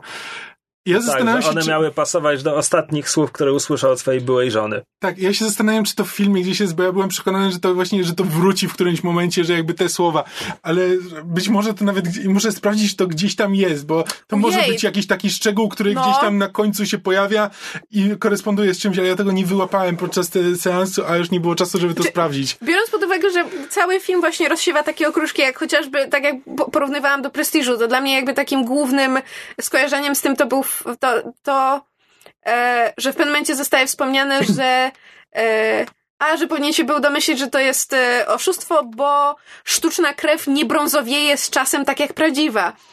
I to, ten szczegół, to jest to, po czym w finale możemy się domyśleć i po czym Bloom się domyśla, Mhm. że Steven umarł naprawdę. Znaczy, jakby, że, że grał, Okej. że był rzeczywiście śmiertelnie ranny. Więc jestem autentycznie przekonana, że w tym filmie jest mnóstwo takich drobiazgów, tylko jakby nie wszystkie nam się udało wypatrzyć. Okej. Czy Kamil sprawdził i teraz już wie? Nie, nie wiem, zajrzałem do trivia na IMDB, ale za dużo ich jest, żebym teraz mógł to stanie, ale pierwsze co przeczytałem to jest, że e, Rachel, e, Rachel Weisz, Weiss, no whatever, e, autentycznie ta, ta mm, sztuczka karciana, którą ona wykonuje, to ona się jej uczyła przez cały miesiąc, codziennie, musiała ją ćwiczyć i to ujęcie, to ujęcie wymagało 11 e, tych, no, dubli. Ojej. Kurczę, widzicie, to jest nasz błąd i nauczka na przyszłość, bo e, jak słuchacze wiedzą, to jest nowy cykl dopiero rozpoczęty, więc my też się uczymy, ale trzeba będzie pamiętać, żeby przy kolejnych filmach e, sprawdzać też trivia i podrzucać naszym słuchaczom jakieś fajne kąski. Bo to, to jest fajne. Ja lubię takie ciekawostki. Jak na przykład fakt, że we wszystkich filmach Ryana Johnsona jest Joseph Gordon-Levitt. Hihi. Dobrze, ponieważ obaj panowie teraz przeglądają rzeczy na telefonach, zakładam i Obaj mam nadzieję... przeszukujemy trivia na IMDB, szukając potwierdzenia teorii Kamila. Dobrze, to ja myślę, że e, poszukacie po nagraniu i wrzucimy e, tę Nic informację do e, e, opisu odcinka, albo do komentarza, albo na fanpage. A nie, przepraszam, jest jeszcze sekcja spoilerowych trivia. Dobrze, to już po, po nagraniu mówię, wrzucimy to gdzieś w internety, jeżeli się okaże, że mamy rację. To już tyle. Ogólnie film bardzo polecamy. Mimo różnych e, mniejszych lub- lub większych wątpliwości lub tego, jak na nas zadziałał bądź nie, bo jest to po prostu bardzo dobrze zrealizowany film, fajnie przemyślany, ładny, dobrze zagrany i naprawdę fajnie, sympatycznie się go ogląda. To jest miły, miły czas, można spędzić. Tak. Tak. I'm so good at this. E, dobrze. To był pierwszy film z naszego cyklu. W przyszłym tygodniu będę, znaczy tak, za, za tydzień, wojny! za tydzień Gwiezdne Wojny, za dwa tygodnie co? Brick? Tak. Brick, też Ryana Johnsona. Em. sobie o nuarowym detektywie w liceum. Znaczy Tak. w sensie Kryminał noir nastolatku. z nastolatkami w liceum. Weronika Mars? Mm, mm. Zobaczymy. Znaczy, ja zaczęłam ten film Ja kiedyś oglądać i go porzuciłam, bo mnie z- z- zdenerwował i znudził. W związku z tym jestem bardzo ciekawa, jak do niego podejdę po latach. No, ale zapowiada się bardzo interesujący e, parę tygodni. Zachęcamy do słuchania, zachęcamy do komentowania. Dajcie znać, jak wam się bracia Bloom podobali, jeżeli mm, zdążyliście obejrzeć, albo jeżeli obejrzycie po tym, jak wyszedł odcinek, to też do nas napiszcie, jak wam się podobało. Może też zauważyliście tam różne fajne smaczki. Bardzo chętnie o tym poczytamy i podyskutujemy z wami, bo jest to klub filmowy dyskusyjny Myszmasza. Tadam! I to chyba tyle od nas w tym tygodniu. Czy panowie jeszcze mają coś do dodania? E, Nie no, tylko housekeeping, ten, e, sprawy, z ten, ogłoszenia parafialne i tak dalej. W sensie możecie nas śledzić na Facebooku oczywiście.